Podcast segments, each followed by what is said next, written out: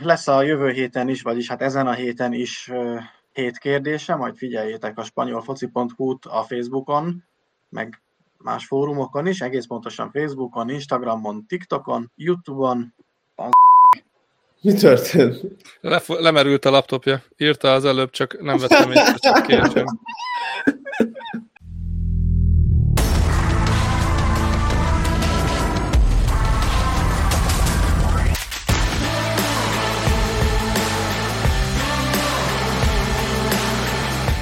Spanyol foci minden héten. Elemzés minden szemszögből. Ez a Lost Trace Podcast.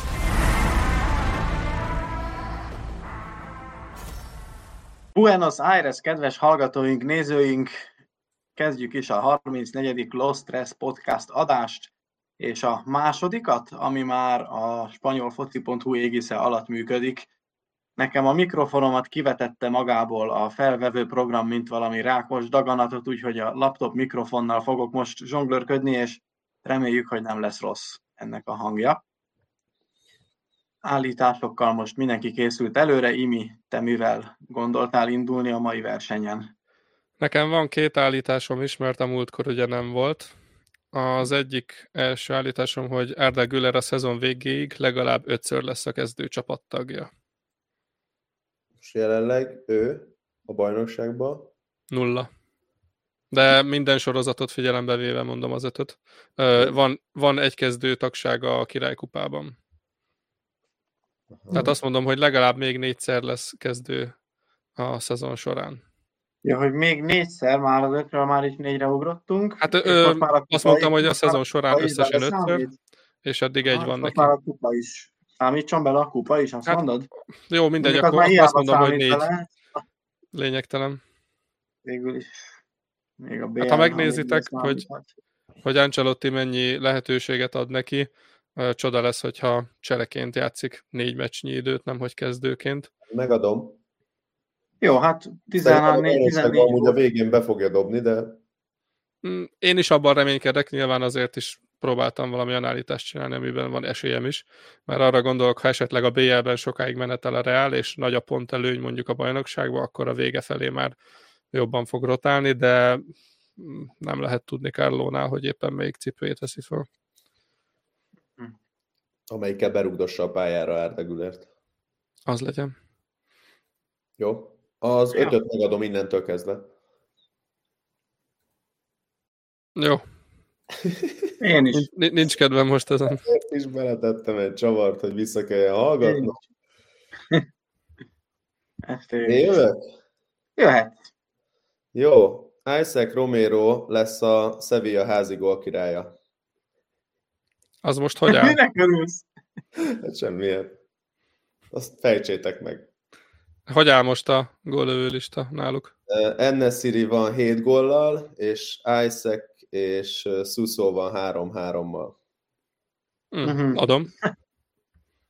Figyelj, most került fel, ugye, csak hogy így tudjatok valamit róla, most került fel ugye a második csapattól.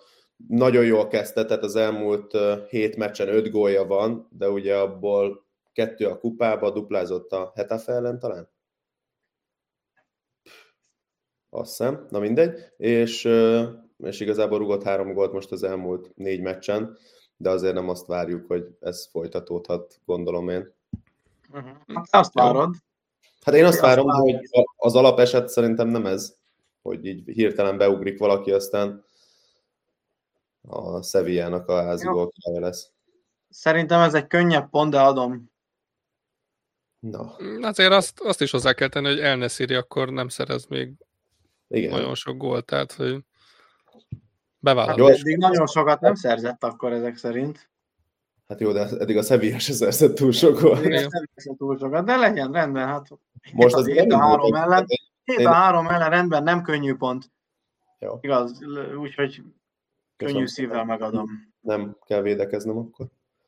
Nem kell, én pedig azt mondom, most elmondom az állítást, csak, csak azért, hogy a Bálusznak, ha visszahallgatja, jobb, könnyebb dolga legyen de majd elsőként azt a hírt mondom be, amelyik ehhez kötődik. Én azt mondom, hogy az RFF elnök választásnak az eredményét valaki vagy valakik meg fogják támadni.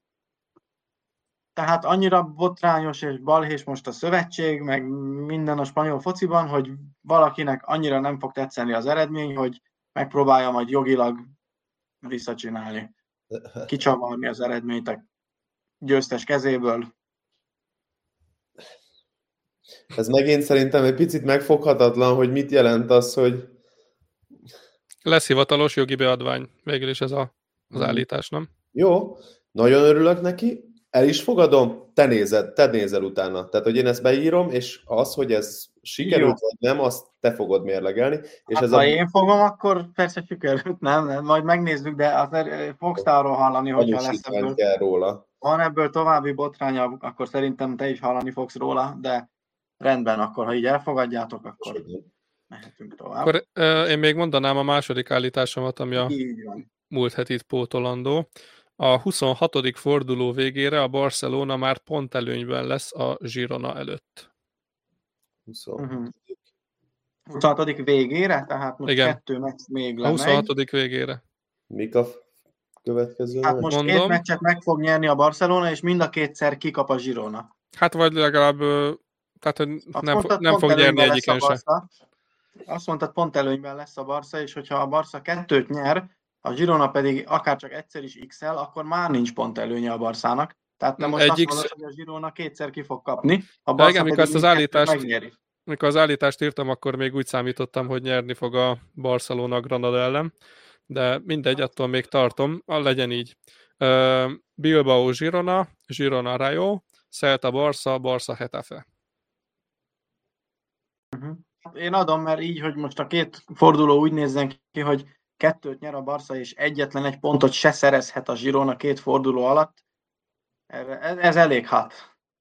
Ez Jó. elég forró, ezt imádom. Mondom, nem így számítottam eredetileg, nem de, tervezted, de... de nem baj.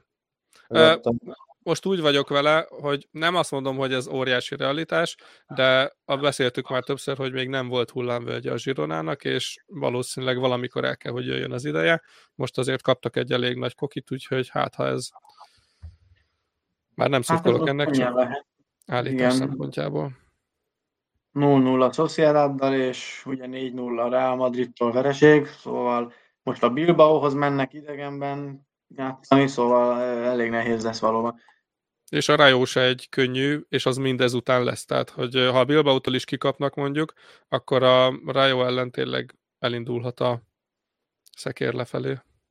Uh-huh. Hát meglátjuk, aztán még a, ugye a Barszának is Uh, attól majdnem jobban félek, igen, én is. Hogy hogy alakul, de nézzük is akkor ezt a bizonyos elnökválasztást, ugyanis május 24-én választja meg a közgyűlés az RFF új elnökét. A Szenafe edzőiskola elnöke, Miguel Galán pedig már hónapok óta támadja a jelenlegi megbízott elnököt, Pedro Rocsát, amiért nem tartotta be az RFF alapszabályának egyik pontját, és nem írt ki elnökválasztást az általános választás előtt, mi, miután ugye Luis Rubiales lemondott, hanem elhúzták az időt egész addig a rendes elnökválasztásig, és ebben a viszonylatban, ebben a, a közegben gondolom, hogy valaki utólag is esetleg támadni fogja ezt. Hát ezt nagyon kommentálni a hírt, meg igazából ez a tipikus spanyol futballvezetésnek a viselkedése most, úgyhogy én nem vagyok ezen már megrökönyödve. A Pedro Rocsáról azt tudni kell, ugye, hogy a Rubialesnek az embere, mikor a Rubiales lemondott, előtte levő nap mindenkit kirúgott, aki Rocsá előtt volt a rangsorban, hogy Rocsá legyen a, a helyettese, akit majd ugye rangsor alapján a helyébe fognak léptetni. Tehát, és ugye itt látszik az is, hogy nem félt az öreg beletolni a szabályzatba, hogy, hogy elnök maradhasson addig, amíg, a, a rendes elnök választás meg lesz, szóval mm, nem vagyok benne biztos, hogy ha a Rocsát megválasztják, akkor bármi is javulni fog. Kis emberek nagy pillanatai ezek. Csak kár, hogy a kedvenc bajnokság. Van olyan szenárió, hogy bármi is javulni, javulna? Hogy? Spanyol foci házat? Van olyan szenárió, hogy bármi is javulna? Ahhoz szerintem... Hát van, az... csak nagyon nehéz elképzelni, hogy megtörténjen. Figyelj, ha... lenne, igen. Hoznék jó példákat, rá nem hozott. Ha Mateu Lahoz lenne az RFF elnöke, hát ne vicce. Na jó. Jó, az erős végszó volt ennek a témának. Az is jól hangzik. Nézzük, csak Fabrizio Romano azt írta, hogy a City Group megegyezett házon belül, és Savio a következő szezonra a Manchester City játékosa lesz. Hogy mennyire jó a City Groupnak a jelenléte a ligában, meg, meg ez az egész jelenség mennyire egészséges hosszú távon, arról pedig meghallgatjuk most Imi és Bálusz véleményét. Ugye a Zsirona sikere az nagyon kellett itt a ligának, mondhatjuk, mint egy falatkenyér, mert most azért megnézzük, hogy, hogy mi van egyébként a bajnokságban. Nagyon kellett, hogy a Zsirona felkavarja az állóvizet, tehát olyan értelemben szerintem az nem kérdés, hogy jó most jelen állapotban az, hogy, hogy itt van a, a City Group, viszont uh, itt a hosszú távú aggájaim vannak ezzel kapcsolatban. Ugye mondjuk annyi szerencse van a dologban, hogy nem többségi tulajdonos a Citigroup, mert akkor lennének még problémásabbak a dolgok, de, de így is az van, hogy most a liga egyik legjobb csapata a City keltetője. Tehát nem tudom, ez mennyire egészséges, mennyire helyezi a La Ligát eleve másodvonalba. Nem mintha amúgy nem lenne egy kicsit így is ott, de szerintem az nem túl jó, jó reklám ilyen szempontból. Meg hát ugye tudjuk, hogy milyen pénzügyi játékok, mahinációk mennek a, a City Groupon belül, tehát most nem az, hogy a, a Zsironától ugyanúgy nem lehet elvinni semmit, mint a City-től játékosok meg edzők terén, de amit pénzügyileg csinál a, a City Group, az viszont több, mint problémás. De akkor például a Red Bullnak a belépése a labdarúgásba az, az is ugyanilyen problémás? Azt annyiból másként értékelem, hogy ha megnézed, a se a Lipcse, a, a, a Salzburg az leuralta az osztrák bajnokságot, de azt nem nehéz, tehát mint a magyar bajnokságot a Fradi kb. Viszont ha most a Lipcsét megnézed, nem az van, hogy éppen mint a City tönkre verik a, a Bayern-t, meg mindenki más, tehát hogy az is inkább keltetőnek van használva, meg meg majdnem, hogy pénzt keresnek vele, nem, kive, nem belepumpálnak. Abszolút nem pénzt keresnek vele, nagyon jó pénzt keresnek hmm. vele. Csak azt mondom, hogy emiatt ez szerintem nem annyira probléma, mert nem csalják el a versenyt a pénzügyi mahinációkkal. Az, hogy hmm. nyilván a Lipcse a semmiből lett ekkora klub, az, az nyilván ilyen értelemben problémás lehet, pláne ha egy másik német klub szurkolója vagy, de a nemzetközi focinak szerintem nem ártott ilyen téren. De és akkor az miért problémás, hogy a Zsironát meg fölkarolta a City Group, és, és egy jó sportprojektet tettek le ott az asztalra.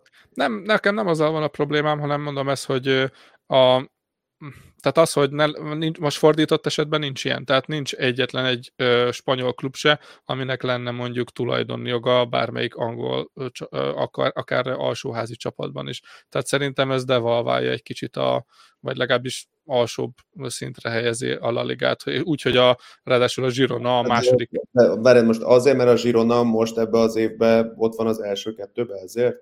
Tehát, hogyha a Girona mondjuk most a középmezőny tagja lenne, akkor ez fölmerülne?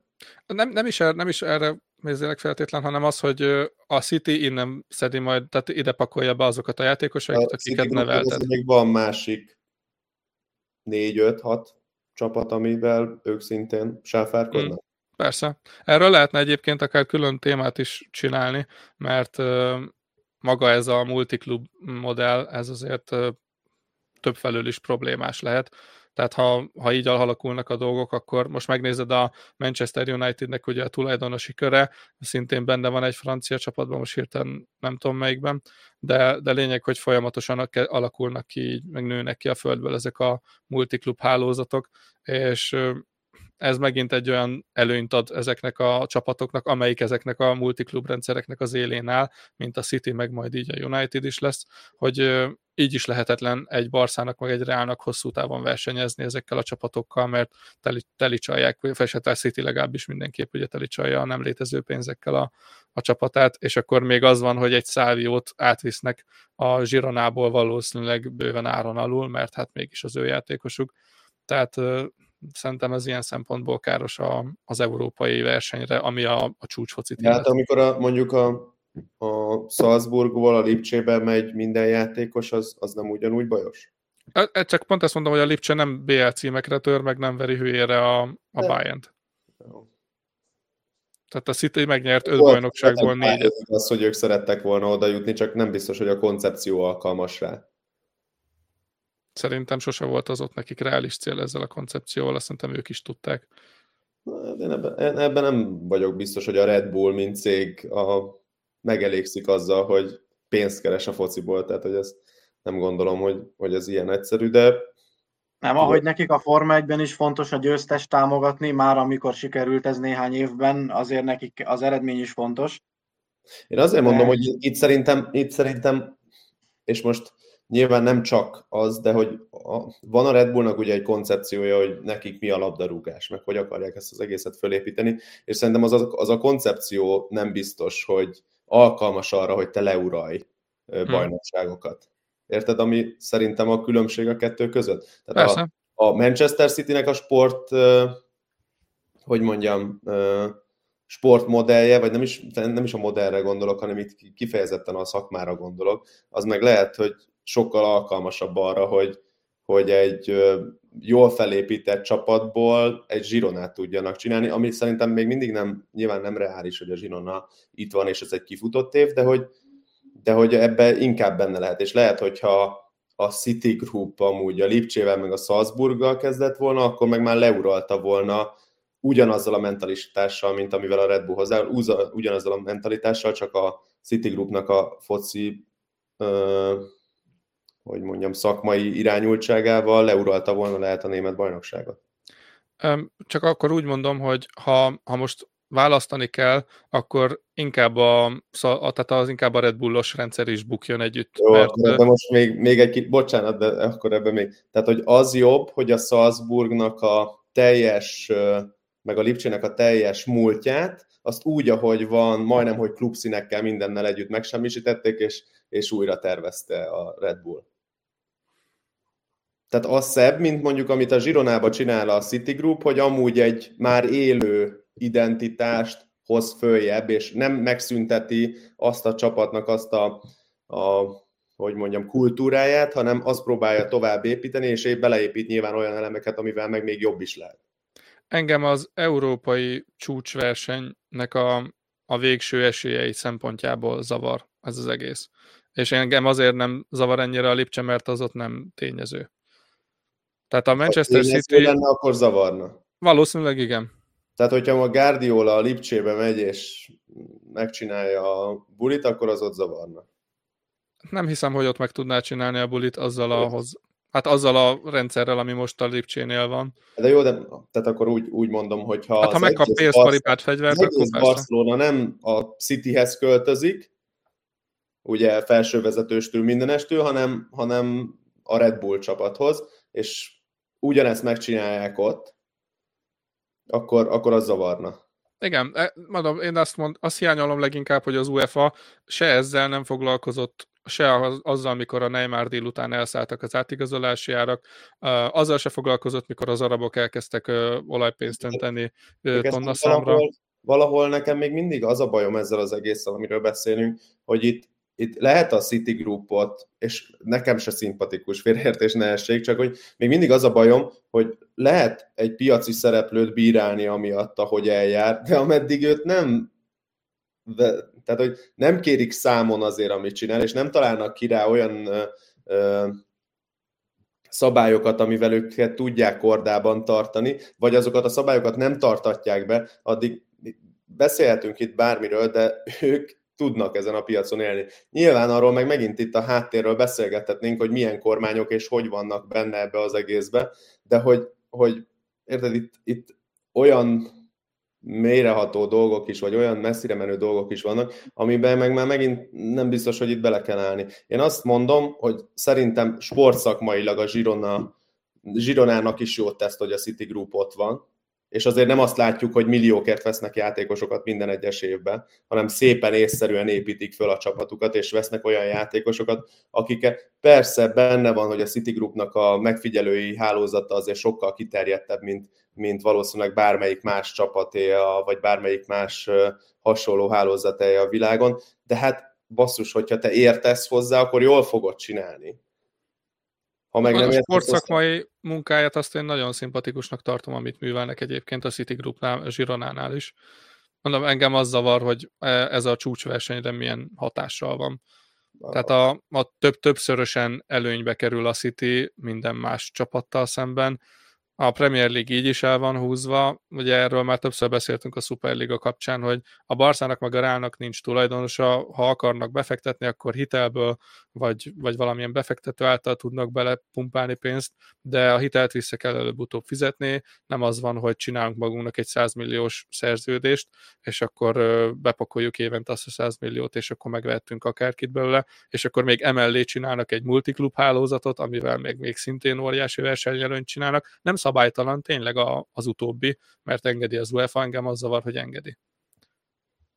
De csak akkor meg ott tartunk, hogy érted, akkor, akkor viszont mindenkinek ugyanúgy kéne működni. Akkor vagy mindenkinek legyen tulaja, és az döntse el, hogy kinek van nagyobb tulaja, vagy akkor senkinek ne legyen, csak ez meg, megint nem reális szerintem.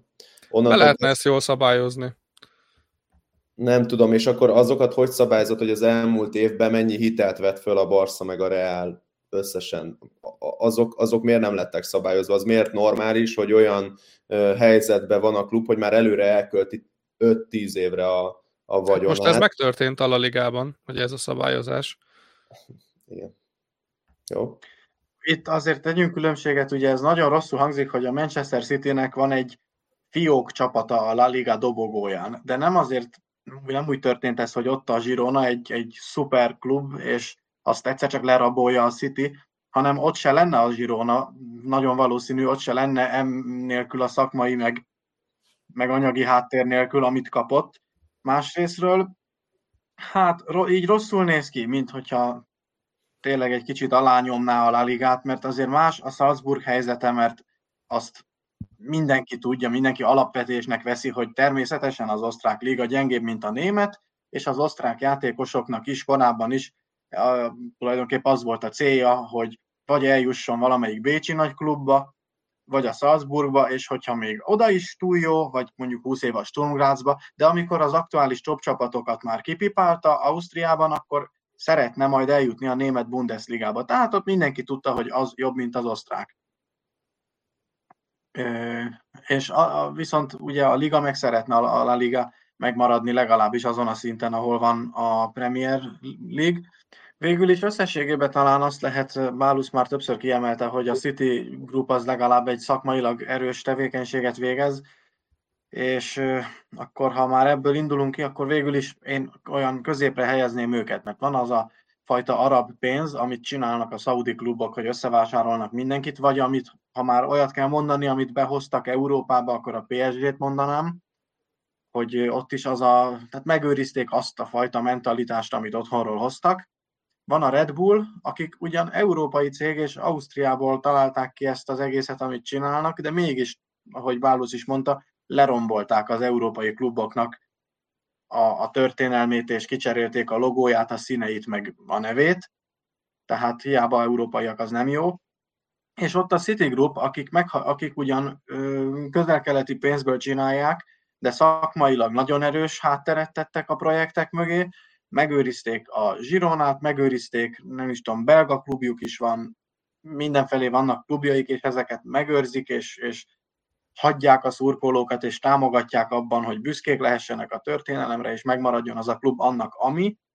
Mellette e, ilyen előnyöket élvez, hogy valóban ezt a megfigyelői hálózatot ki tudják használni. Mert hogyha találnak egy nagyon szuper tehetséget az argentin középmezőnyben, akkor lehet, hogy az a Manchester Cityhez kevés, lehet, hogy még a Zsironához is kevés, de mondjuk oda Belgiumban nagyon jó lesz, és akkor nem volt már hiába az, hogy dolgoztak a megfigyelőik és ha Belgiumban beválik, el lehet majd adni, és így tovább. Tehát ez mégis egy olyan projekt, amire azt lehet mondani, én is inkább konzervatív vagyok a futballban, de erre azt tudom mondani, hogy ezt elviselem. Nem szívesen én sem, és legjobb lenne, hogyha lenne egy Manchesteri tulajdonosa, vagy angol tulajdonosa a Citynek, meg mindenki maga dolgával törődne, és nem itt mosná a pénzét, meg tényleg azért a versenyhelyzet az így nem tökéletes, de sokat szoktam én gondolkodni azon, hogy mit lehetne ezen változtatni, de annyira nem lehetne, amennyire én gondolnám, mert az meg már annyira korlátozza a versenyt, meg a piacot magát, hogy onnantól kezdve nem piacgazdaságban élnénk, hanem egy központilag irányított, nem is tudom milyen berendezkedésben, ami meg már nem üzlet. Hát ezért azt hozzá kell tenni egyébként, hogy a, a most hirtelen nem emlékszem, de mintha a Jim Radcliffe-nek a, a francia klubjánál például a szurkolók rendre tüntetnének ez ellen, mert mondjuk jó, teljesen naív elképzelés az, hogy ők majd francia bajnokságokat, meg bajnokok ligáját akarjanak nyerni egyszer, de ugye nyilván az európai foci a nagy szuperliga ellenességgel pláne erre épül, hogy mindenkinek meg kell, hogy maradjon az esélye mindenre. És azzal, hogy egy klub akár a Girona, akár a bármelyik csapat a, bekerül egy ilyen hálózatba, azzal ez örökre elveszik, mert a legjobb játékosaikat mindig a, a legfőbb csapathoz fogják vinni, vagy pénzét teszik tehát nekik sosem lesz arra esélyük, hogy valóban a, a legnagyobb célokért küzdjenek. Most nyilván tudom, azért is mondtam, hogy ez naivitás a szurkolók részéről, meg akkor meg bezeg örülnek, hogyha a csapatukat kihúzzák a anyagi csődből, meg egyebekből. De figyelj, én, én, nekem az a meggyőződésem, hogy a Száviót így is úgy is elvinné valamelyik nagy klub. Lehet, hogy már most télen elvitte volna. Tehát én értem, hogy itt most akkor megvan adva, hogy hova megy tovább egy játékos 99 9%-kal, de hogy a Zsironánál így se úgy sem maradna, tehát hogy a, a Zsironának megadták azt az esélyt, hogy ők egy jó klub legyenek. Ők máshogy nem jutottak volna el erre, erre a szintre, és még azt sem mondom, hogy olyan óriási pénzeket tettek bele a egész klubba. Hát ugye itt nem, nem többségi tulajdonosok.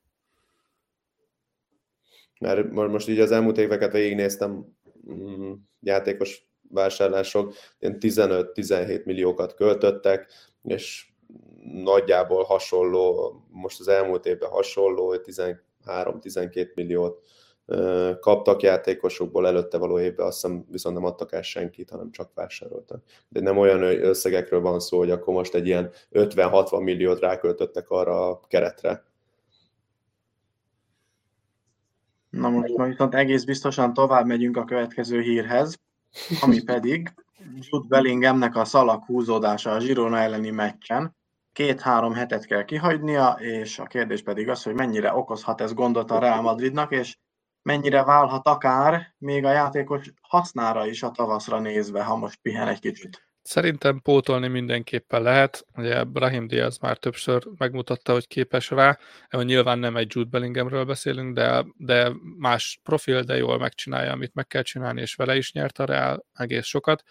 Arda Güler is ugye ott van opciónak, hogyha már emlegettük itt, hogy kaphatna több percet is, és most itt felírtam nem egy, mm, most nyilván ezek sem kis meccsek, de azért nem a, most az elmúlt két-három meccset nézzük, itt volt ugye Atletico Madrid meg Girona, ahhoz képest most jön a Lipcse, Rayo, Sevilla, és ha harmadik hétre is sérült marad, akkor Valencia és megint Lipcse. De szerintem a Lipcse visszavágom már szinte biztos, hogy játszani fog. Nem, nem hiszem, hogy nagyon nagy jelentősége lesz. Nyilván itt a Lipcse első meccs szerintem egy szoros meccs lesz, de ha visszavágóra van, akkor nem látom azt, hogy bármiben is befolyásolná a szezon további részét, sőt, hát abból a szempontból, amit mondtatok, hogy legalább tud pihenni egy kicsit, nem is feltétlen rossz, nyilván semmilyen sérülése jöhet jókor, de hogyha ez tényleg csak egy pici szallag húzódás, akkor ebből valószínű jó is, hogy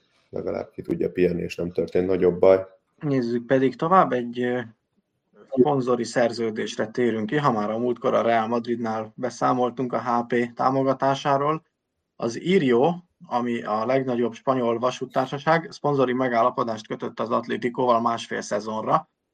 Ezzel összefüggésben akkor vessük össze, hogy az Atlétikónak a fő mez szponzora, a Riad légitársaság évente 40 millió eurót fizet, míg a Realnál a HP 70 milliót fizet azért, hogy csak a karon megjelenjen a mez karján. Konkrétan ekkora marketing szakadék van a két megjelenési lehetőség között? Szerintem igen. Sajnos, vagy hmm. nem sajnos, de igen. Én itt kicsit utána keresgettem itt a, hát ez most egy ilyen nagyon banális adat, de itt a követési adatoknak, hogy Instagramon hány követője van a csapatoknak. Mondom, banális adat, de azt mégis mutatja, hogy mekkora a marketing értékkel bír egy klub. A Reálnak 152 millió követője van, a Barszának 125 millió, az Atletikónak 16,6. És a, a hmm. Barca B-t, csak nem kerestem rá, csak mikor a Barszát bejutottam, azt is alá kiadta. A Barca B-nek is 10 millió követője van. Tehát Aha. csak erre mondom, hogy az Atletico azóta számít tehát nagy klub volt Jó, mindig. Ezt, ezt a gondolatmenet, ez végig nem mond. Tehát nem, inkább nem... itt arról van szó szerintem, hogy itt európai, tehát hogy Európában nyilván a mi gondolkodásunkban az Atletico ezeknek a szintjén van nagyjából most már, uh-huh. sportszakmailag.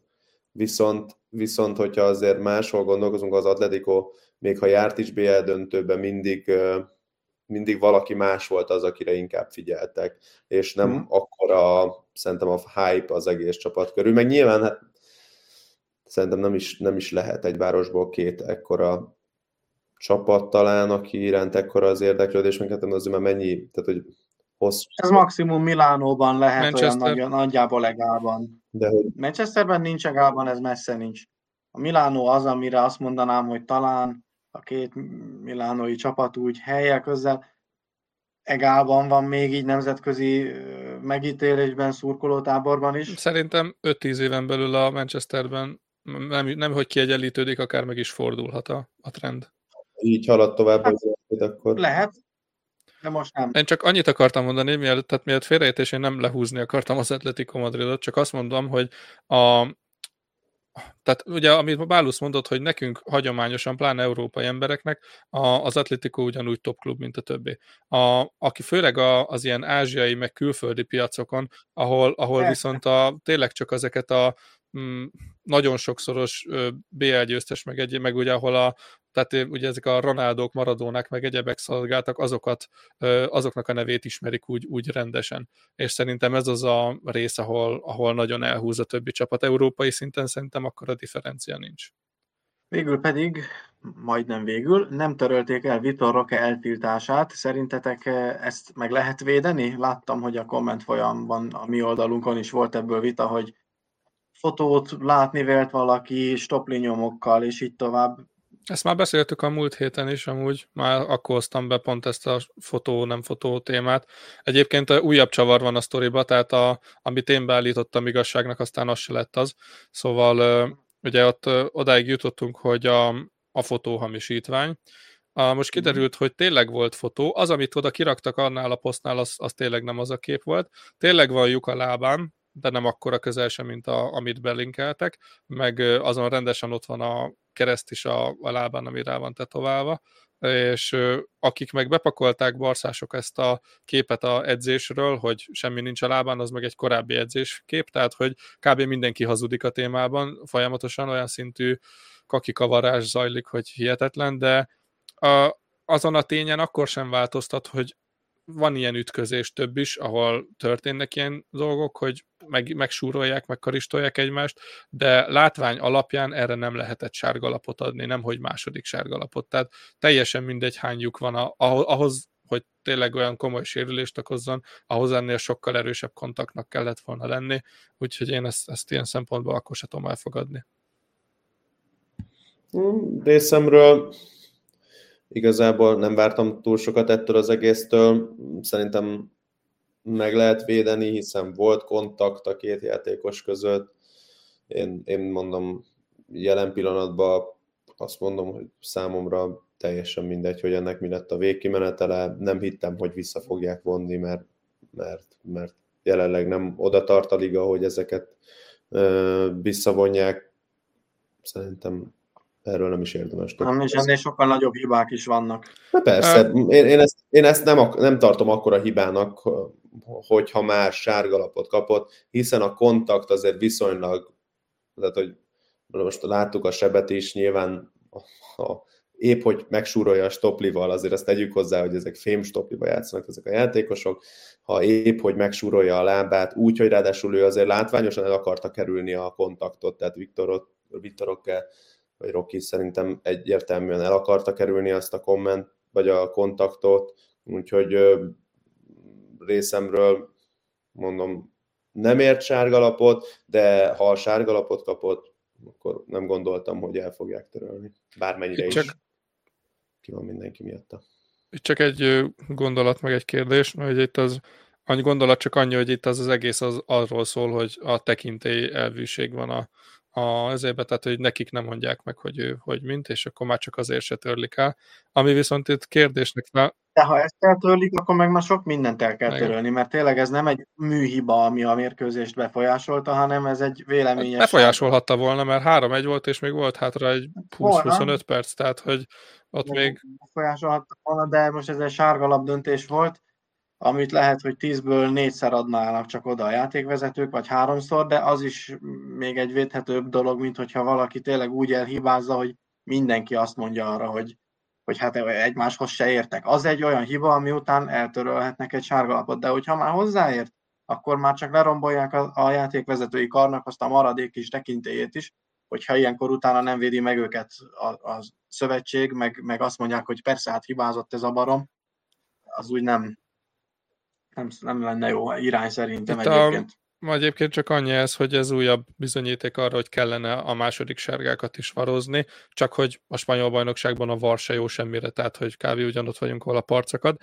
Amit akartam csak kérdezni, hogy nagyon röviden, hogy szerintetek ennek lehet-e ahhoz közelnek a döntésnek, hogy ugye a Gerard Romero nagyhírű barcelonás nem tudom pontosan újságíró, vagy minek előtt nevezni, mindegy, de ugye a Twitteren szokta a, tolni a dolgokat, és ő, ő ugye kirakott egy posztot a, még az ítélet előtt pár nappal, hogy amennyiben nem vonják vissza Rokinak a második sárgalapját, akkor valami nagyon kompromitáló hangfelvételt fog ö, ö, kirakni a nyilvánosság elé a szövetséggel, vagy nem tudom már mivel nem kapcsolatban. Nem sőt, sőt azt is megkockáztatom, hogy ez azokhoz az öreg döntéshozókhoz el se jutott ez a fenyegetés, ez a röhelyes bohóc fenyegetés azért az, az, az, az embert kéne inkább leállítani. Hát ugye ő szivárogtatta ki mostanában a varos hangfelvételeket, tehát nem mondhatjuk azt, hogy kamuzik, tehát bőven lehet, hogy tényleg van nála valami. Én meg szerintem lehet, eljut ez hozzájuk. Ennek, nem, nem szabad ennek engedni, és ez, ez hmm. megint rossz felé viszi a dolgokat, hogyha valaki így viselkedik. De én biztosan, biztos vagyok benne, hogy nem befolyásolta ez. Nem hmm. hergelte fel őket jobban, nem félemlítette meg őket, egyszerűen csak elvégezték a dolgukat. Nem,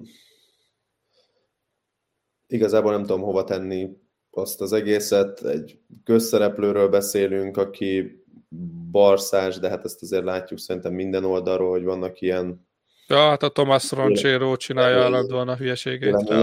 Nekem inkább az a, azt tesz kíváncsivel, hogy ő hogy jut hozzá folyamatosan ezekhez hmm. a felvételekhez, mert amúgy szerintem tök, tök jól megoldhatná ezt is a liga, hogyha ők egyhangúan azt mondanák, hogy innentől kezdve ezeknek az eseményeknek a hangfelvételét kiadják, hiszen tehát, nem tudom, hogy itt uh, milyen titkolni valójuk van, nem, nem gondolom, hogy ezeket nem lehetne normális körülmények között megosztani uh, meccsek után.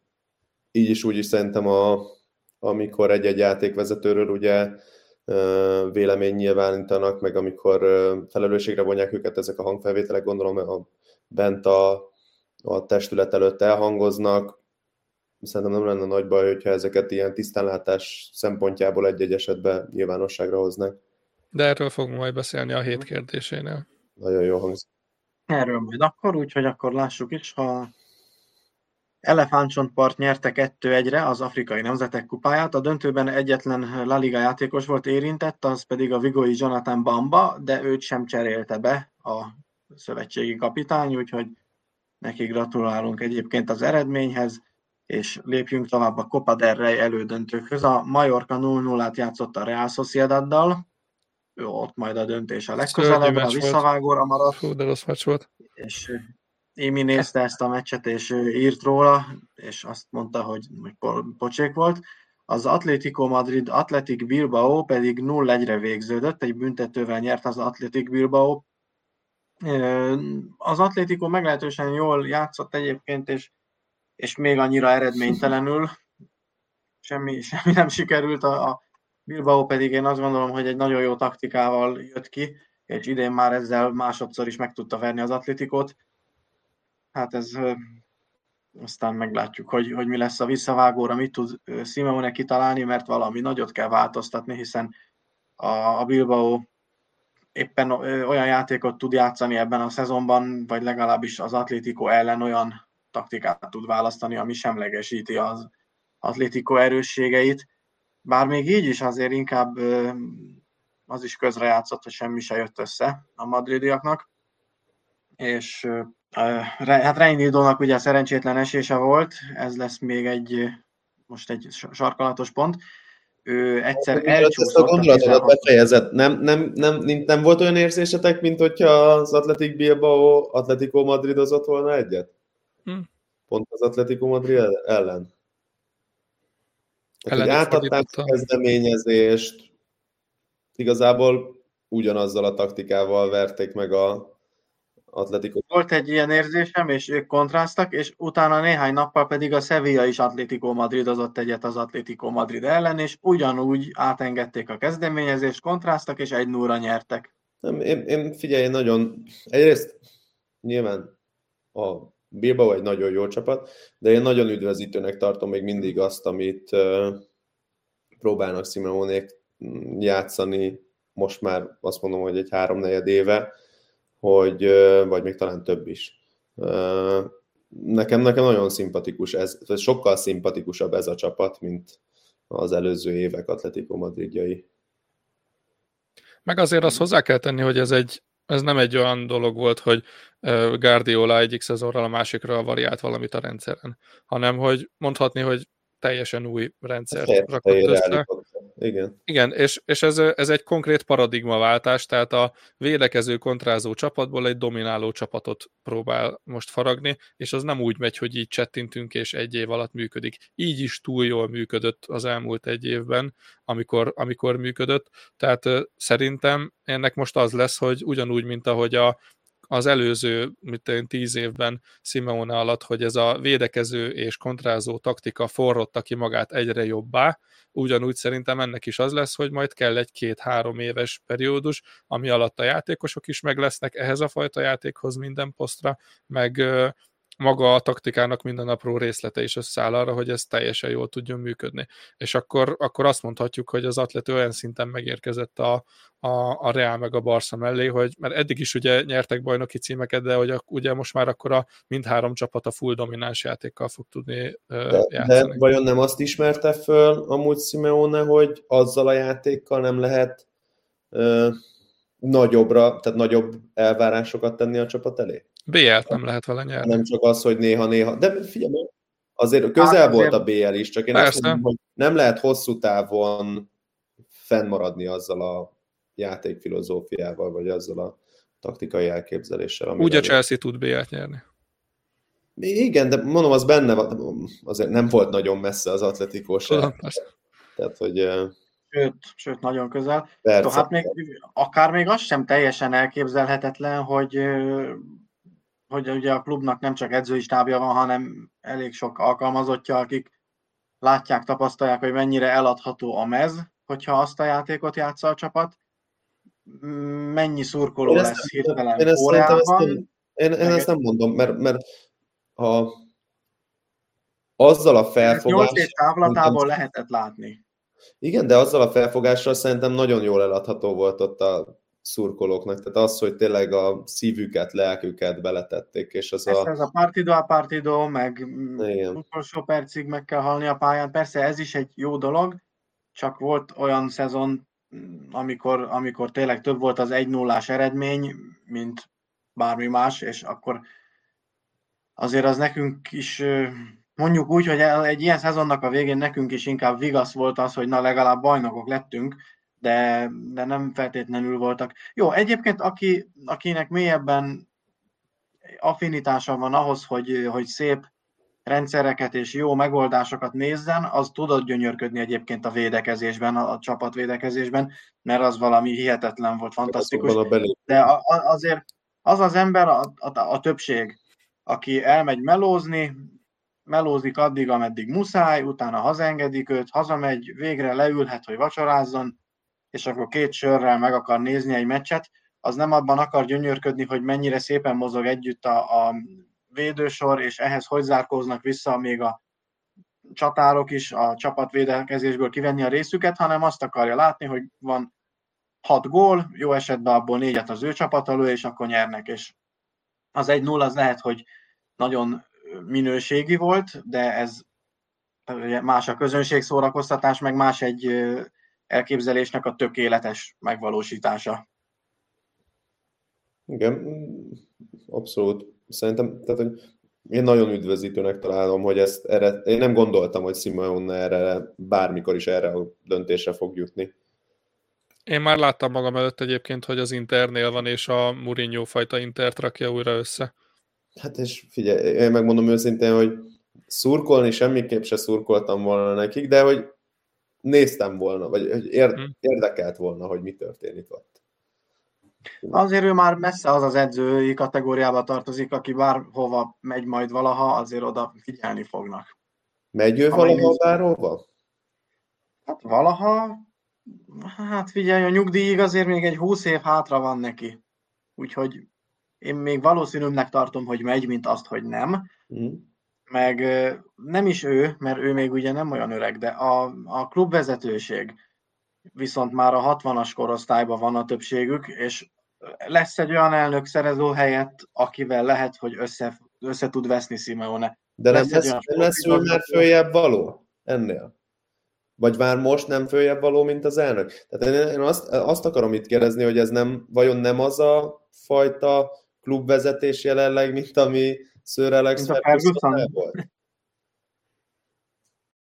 Nagyon nagy szava van, és nagyon nagy presztízs a szurkolóknál, de de ez persze akármilyen konfliktust ezzel nem lehet túlélni, de persze reméljük, hogy nem is lesznek ilyen konfliktusok.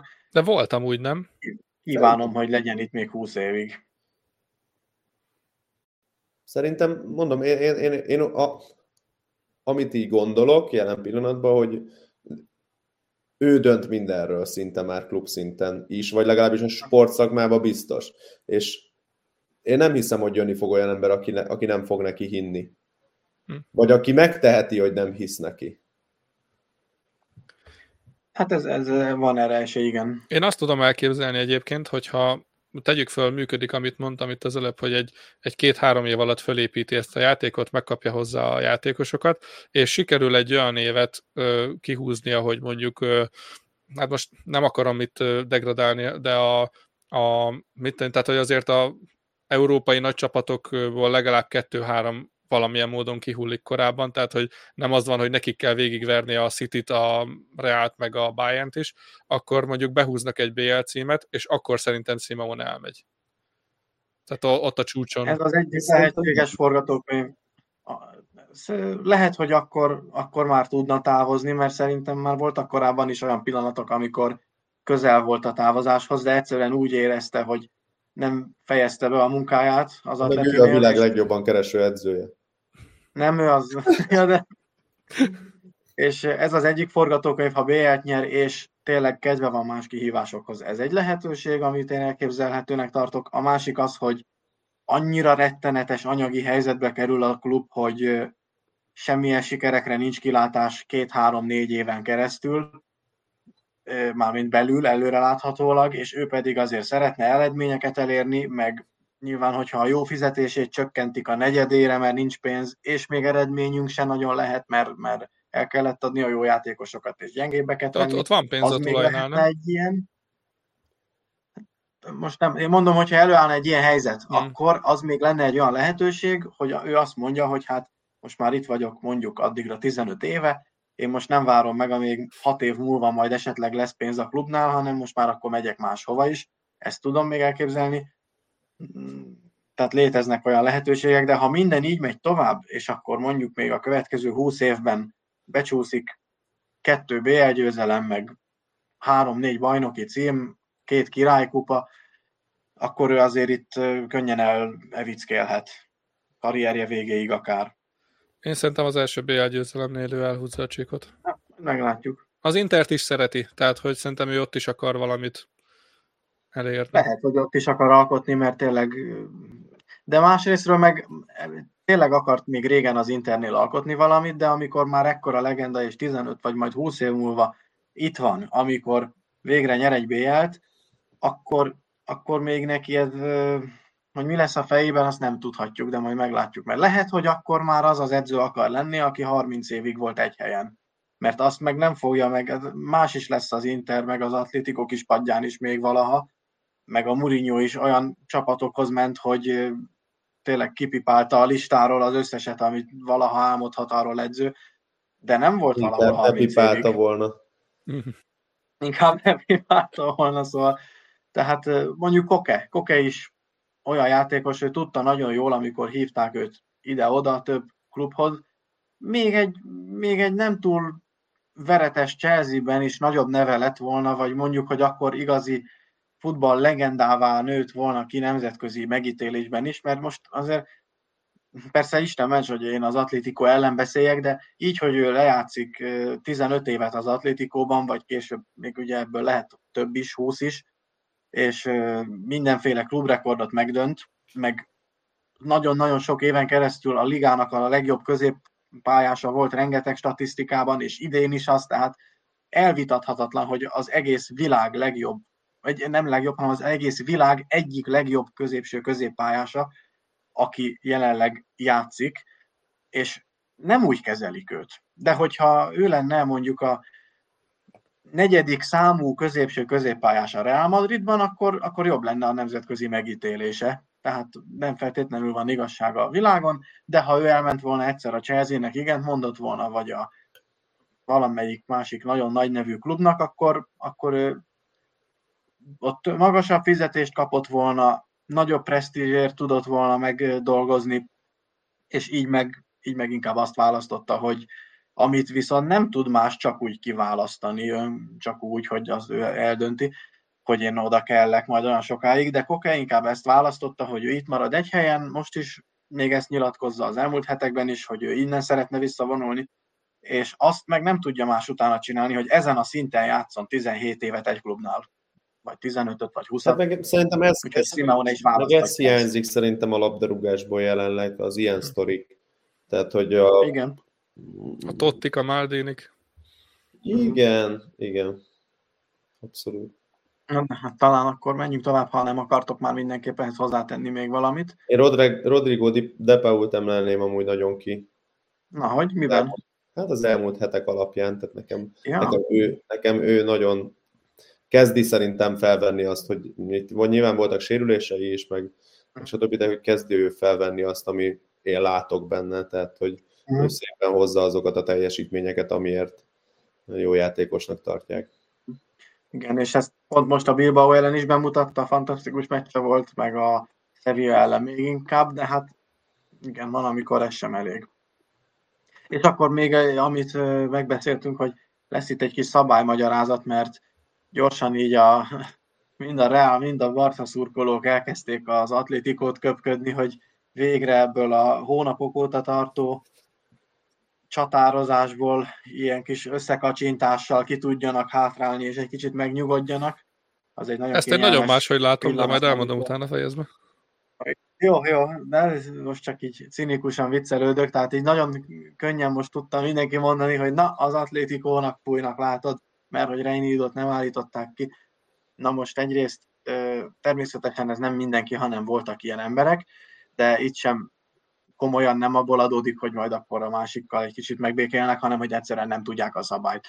Hát a 2016-os módosítás óta a tripla büntetést azt kivezették, mert ha téged kiállítanak, akkor már azon a meccsen többet nem játszol a maradék 10 percben, plusz a csapatod ellen büntetőt ítéltek, plusz a következő meccsről el vagy tiltva. Ez már három büntetés, és ez az 2016 óta csak akkor történhet ilyen, hogyha egy erőszakos cselekedetet követel a védőjátékos, vagy még hogyha nem is igazán erőszakos, de a szabálytalanság csak és kizárólag arra irányult, hogy a támadójátékost valahogyan megállítsa.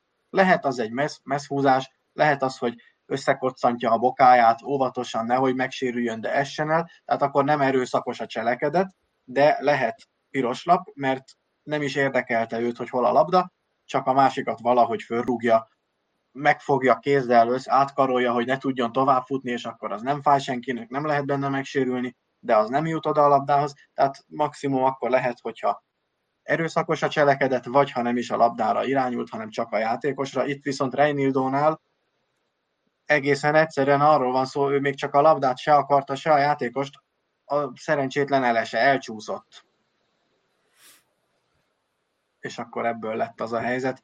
De ha még direkt is csinálta volna ezt a, a fogyatékos mozdulatot, akkor sem lehet azt mondani, hogy sem azt, hogy ez egy erőszakos cselekedet volt, sem azt, hogy, hogy mindenáron a játékost akarta megállítani, mert akkor nem lent van a földön a lába, akkor össze-vissza tud kalimpálni, fölfele rúgni, terpeszteni, hogy mindenképp elakadjanak benne, tehát ez, ez egy sárgalapot érő szabálytalanság volt, valamint... A megcsúszásban én nem vagyok annyira biztos, de abban viszont igen, hogy nem szándékosan akart. Biztos tehát, hogy ha most ezt szándékosan akarta volna csinálni, akkor ez a ripityomra törhette volna a lábát, az nem állt fent, tehát hogy nem, az biztos, hogy nem volt szándékos. Egy rosszul sikerült mm, mozdulat volt, az is lehet, hogy közben egyensúlytot vesztett, de még én nem látom, hogy úgy megcsúszott van, nem is ez a lényeg. A, amit említettél egyébként, arra jó példa, hát félig meddig, amikor a Valverde a Superkupa elődöntőn ugye akasztotta Morátát a utolsó percekben. Ugye az ott annyi a különbség, hogy nem a büntető területen belül történt, de ha ott történt volna, akkor az ugyanúgy piros lap, mert ugye utolsó embert akasztott, és akkor azt akkor ugyanúgy kiállították volna, mert közvetlenül ott, ott nem volt labdaszerzési cél, hanem az volt a lényeg, hogy Morata hm, hasra essen. Itt igazából egyébként még talán nem is ez a sztori volt az érdekes, hanem ugye Griezmannnak volt egy, azt sem érzem szándékosnak, csak az, az, ott egy, az ott egy nagyon csúnya jelenet volt, ott látszott, hogy meghajlotta a Bilbao játékosnak a, a sípcsontja, ugye az ott, az ott például piros lapért azért kiáltott volna.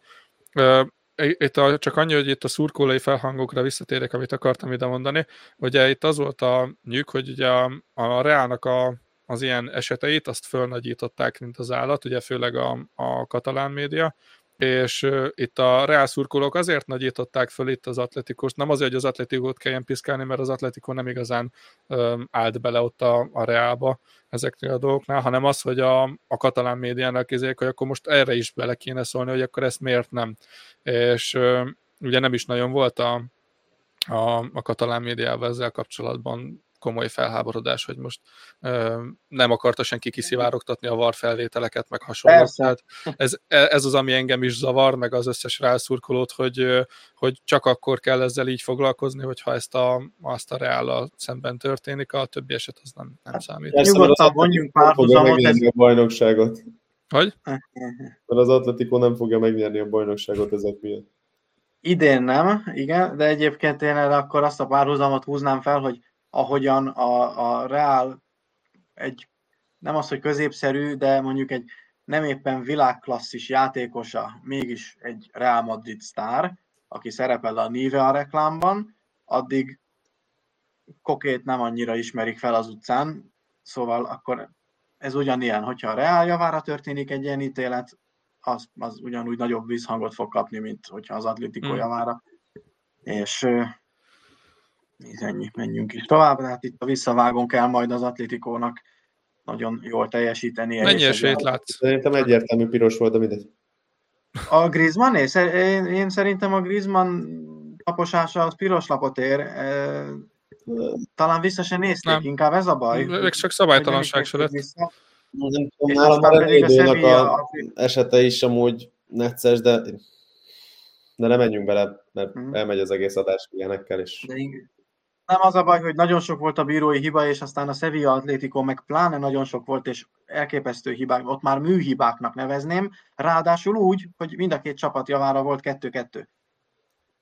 Úgyhogy igazából tényleg a bíráskodásról már felesleges ódákat zengeni, meg, meg hőcseposzt állítani annak, aki, aki ez ellen ki kell, meg kiszivárogtat. Nagyon-nagyon rossz, és persze már beszéltünk is róla, hogy itt milyen kölcsönhatások lehetnek akár, minden esetre az Atlétikóra nagyon nehéz sorozat vár, mert a bajnokok ligájában az Interrel találkozik, az uh, Bilbaóban kellene megnyerni valahogy a kupa elődöntő visszavágót, közben lesznek bajnoki meccsek, és azért azt, ott is jól kéne szerepelni, mert különben akkor már ott tényleg nem, már nem a bajnoki címről beszélünk, itt már arról beszélünk, hogy, hogy a dobogóra marad esélye az Atlétikónak, hiszen azért ilyen, ilyen hetek után már ez is megkérdőjelezhető lesz lassan. Azért észrevettétek egyébként, hogy ebben a szezonban milyen ö, ilyen hülye tendenciák vannak minden csapatnál szinte. A Barszát nem tudom ilyen szempontból csak megfejteni, de a Zsirana mindenkit megver, tényleg mindenkit, a Reától kap ki olyan mind a két meccsen olyan simán, ha most csak a gólkülönbséget nézzük, mint az állat. A Real nem tud mit kezdeni az Atletico Madriddal, mindenki más megver, de az Atleticoval egyszerűen tényleg ugye csak az egy szuperkupa meccs volt, ahol sikerült, de ott is döntetlen lett a rendes játékidő. Az Atletico meg totál random elkezd feltámadni, megveri a, a Reált a kupában, aztán x vele a bajnokságban, utána meg kikap, most nem is az, hogy a Bilbao egy rossz csapat, mert nyilván nem, de hogy kikap de a Bilbao-tól, aztán meg kikap még ráadásul a Sevillától is, tehát hogy olyan, olyan totál megfoghatatlan folyamatok vannak a, ezeknél a csapatoknál, amikre egyszerűen nem találok magyarázatot sokszor. Csak jelzem, hogy XG alapján a Bilbao-nak a védelme a legjobb a ligában. Hmm. Meg azt, hát most hiába mentegetem a csapatot, de tényleg azért láttuk a, a Real Atlétikón is, hogy csak a, kizárólag a fejeseket számoljuk, abból meg lehetett volna az Atlétikónak nyerni az összes idei madrilenyót, nem hogy ezt az egyet.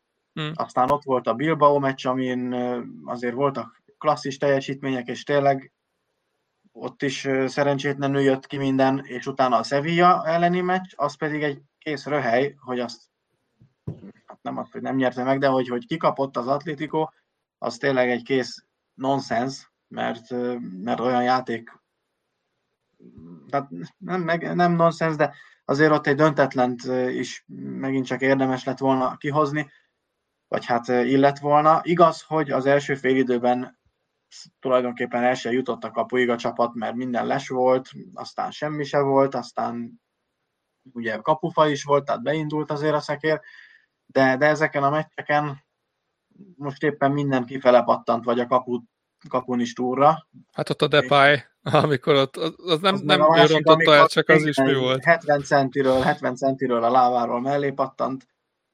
A, ugyanez hát volt, van. csak egy gondolat elég a, a, a Real Sociedad meccsén, a Sadik a kupa meccsen, hogy tehát minden testrészéről mellé tudta rakni a labdát a kapunak elképesztő. Hát, amikor ez ilyen, aztán ugye Morata meg is uh, sérült, ez majd ugye a Sevilla meccsen lesz érdekes, de akkor nézzük is a 24. forduló eredményeit, és itt ha már rávezettük, akkor a, a, az első állomásán a nehéz sorozatnak sikerült is kikapni, és itt azért már gyenge játékkal, aztán volt egy kisebb feltámadás a meccs vége felé, de nem lett annak se eredménye és ahogy Bálusz is mondta korábban, hogy a Sevilla nagyon sok kontrát vezetett.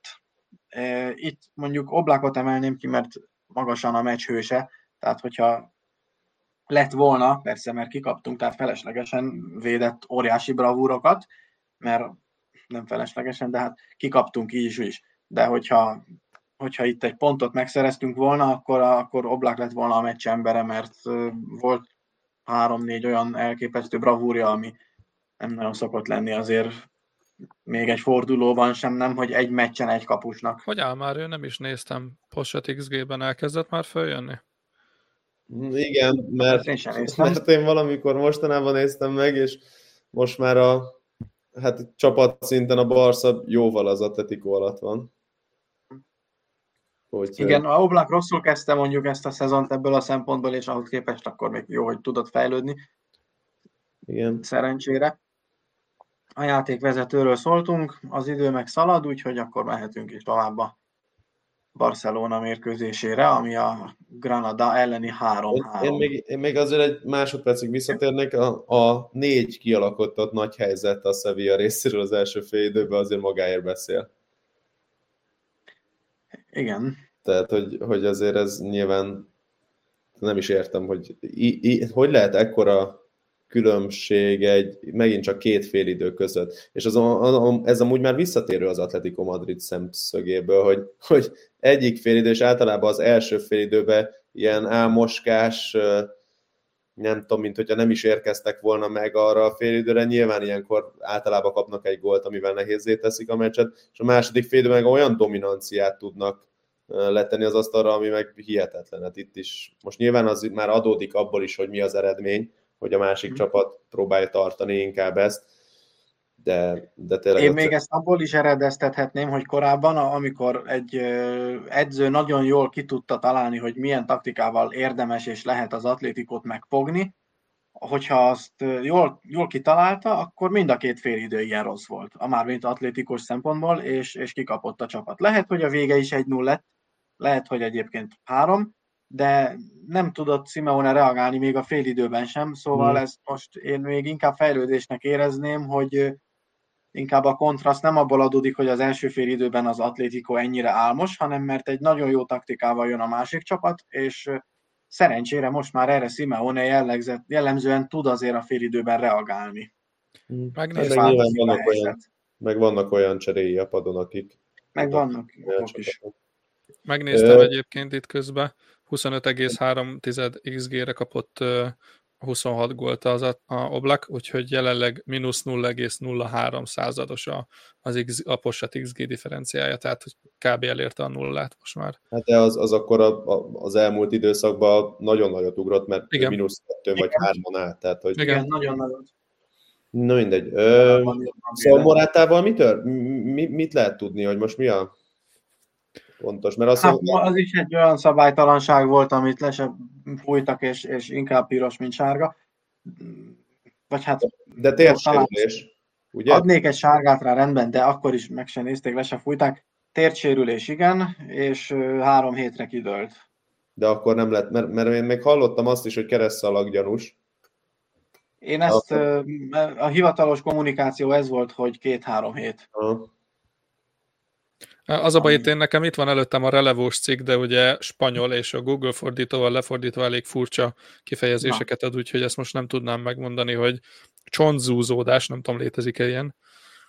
A jobb, jobb térdében, és belső oldalszalag ficam. Hát ez olyan Google hát a, a ficam az nem ficam, az húzódás ugyanúgy. Mm, valami olyasmi inkább, igen. Ez élő Google fordítás rovat.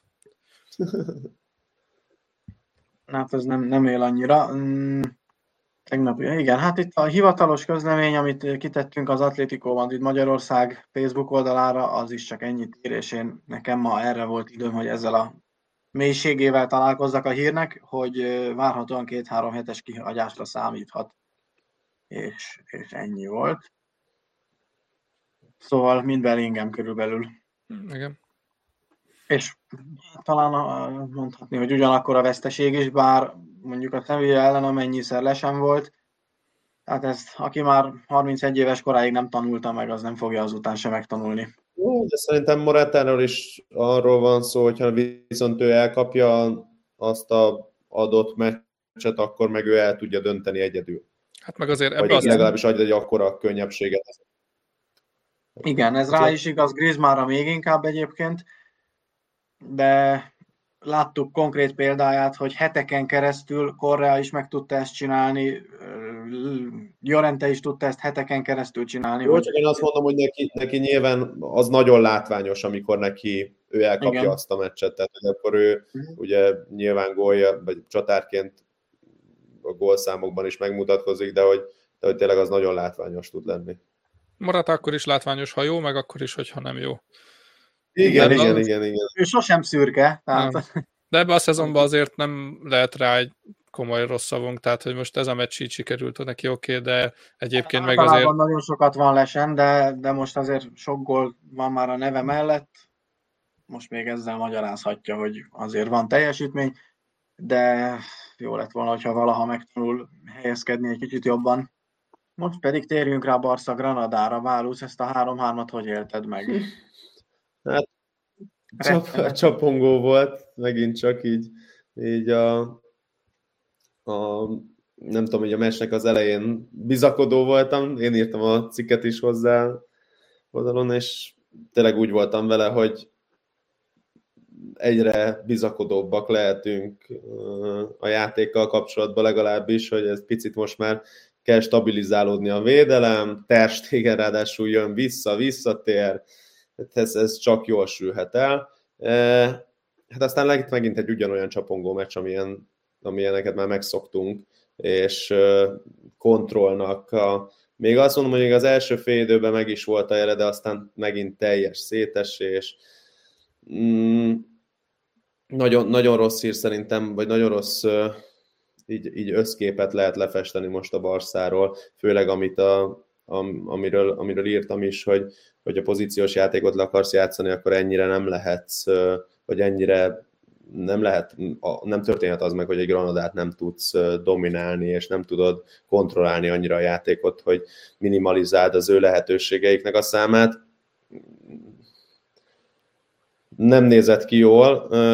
Ugye itt írtam is, hogy Terstégen milyen jó, hogy visszajön, stabilitást fog adni, azért ő, amikor van, az mindig egy ilyen megnyugvás, hát az első fél időben eladott vagy három labdát, ráadásul abból kettő nagyon látványos volt,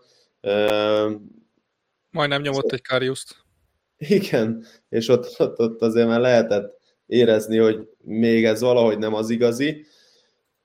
De hát az első fél időtől eltekintve, hát a második az, az tényleg egy ilyen, egy ilyen futottunk az eredmény után, védelmi hibák, de még azt is mondom, hogy a védelmi hibánkon kívül is még szerencséje is volt a Granadának, hogy folyamatosan a keresztbe lőtt labdák úgy jönnek ki, de hát mindent meg is tettünk azért, hogy szerencséjük legyen. Tehát, hogy a Inigo Martinez, ahogy visszajött, még előrefele nyilván arra lehet számítani, hogy ő, ő a felpasszaival megtalálja azokat a passávokat, tehát védekezésbe itt az egész csapat a második fél időben tragikus volt, megint az átmenetek, tehát hogy nem, nem, nem tudják egyszerűen Csaviék megoldani azt, hogy ezek az átmenetek, ezek kontrollálva legyenek, hiába került be oda Christensen, még az első fél időben direkt ki is emeltem, hogy megint nagyon sok olyan közbeavatkozása volt, ami már egy átmenetet előzött meg. Tehát akár egy taktikai faltja, akár az, hogy meg tudta valahogy tartani a labdát, vagy bele tudott még piszkálni. Hát aztán a második félőre ő szerintem teljesen el is fogyott, és hát a Granada egy nagyon, nagyon lelkes csapatképét festette nekem, ráadásul tudták ellensúlyozni a minőségbeli hátrányukat, sőt, mm, azt mondom, hogy volt olyan periódusa a meccsnek, amikor kifejezetten még akár felül is tudtak kerekedni a Barszán. Nem tudom, hogy ezzel a védelemmel, tehát hogy a Araujo pihentetése nyilván most már kellett, mert a térde valószínűleg nincs olyan állapotban, hogy, hogy sokáig ezt még húzza, és lehet, hogy egy nagyobb sérülést kockáztatnak vele, de Inigo Martinez a sérülése után szerintem még nincs abba állapotba, hogy akár egy Granada ellen is le tudjon hozni egy ilyen meccset.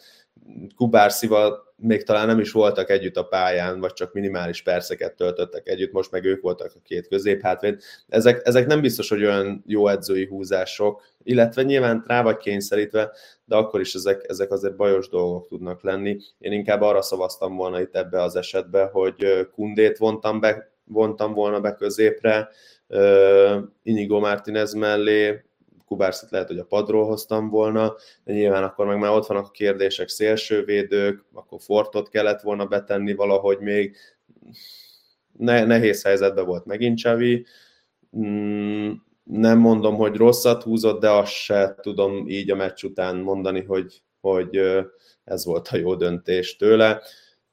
Viszont nekem a kérdésem, hogy Levát most már hivatalosan kezdhetjük temetni? Hát én már elkezdtem korábban is kicsit. Én ezt értem, csak hogy... A Bálus meg nagyon. Én, én már nagyon, csak hogy most már akkor ez hivatalos, és kiadhatunk róla közleményt. Az a baj, hogy ugye meg, most baj, most értsd jól, tehát hogy megint gólt lőtt.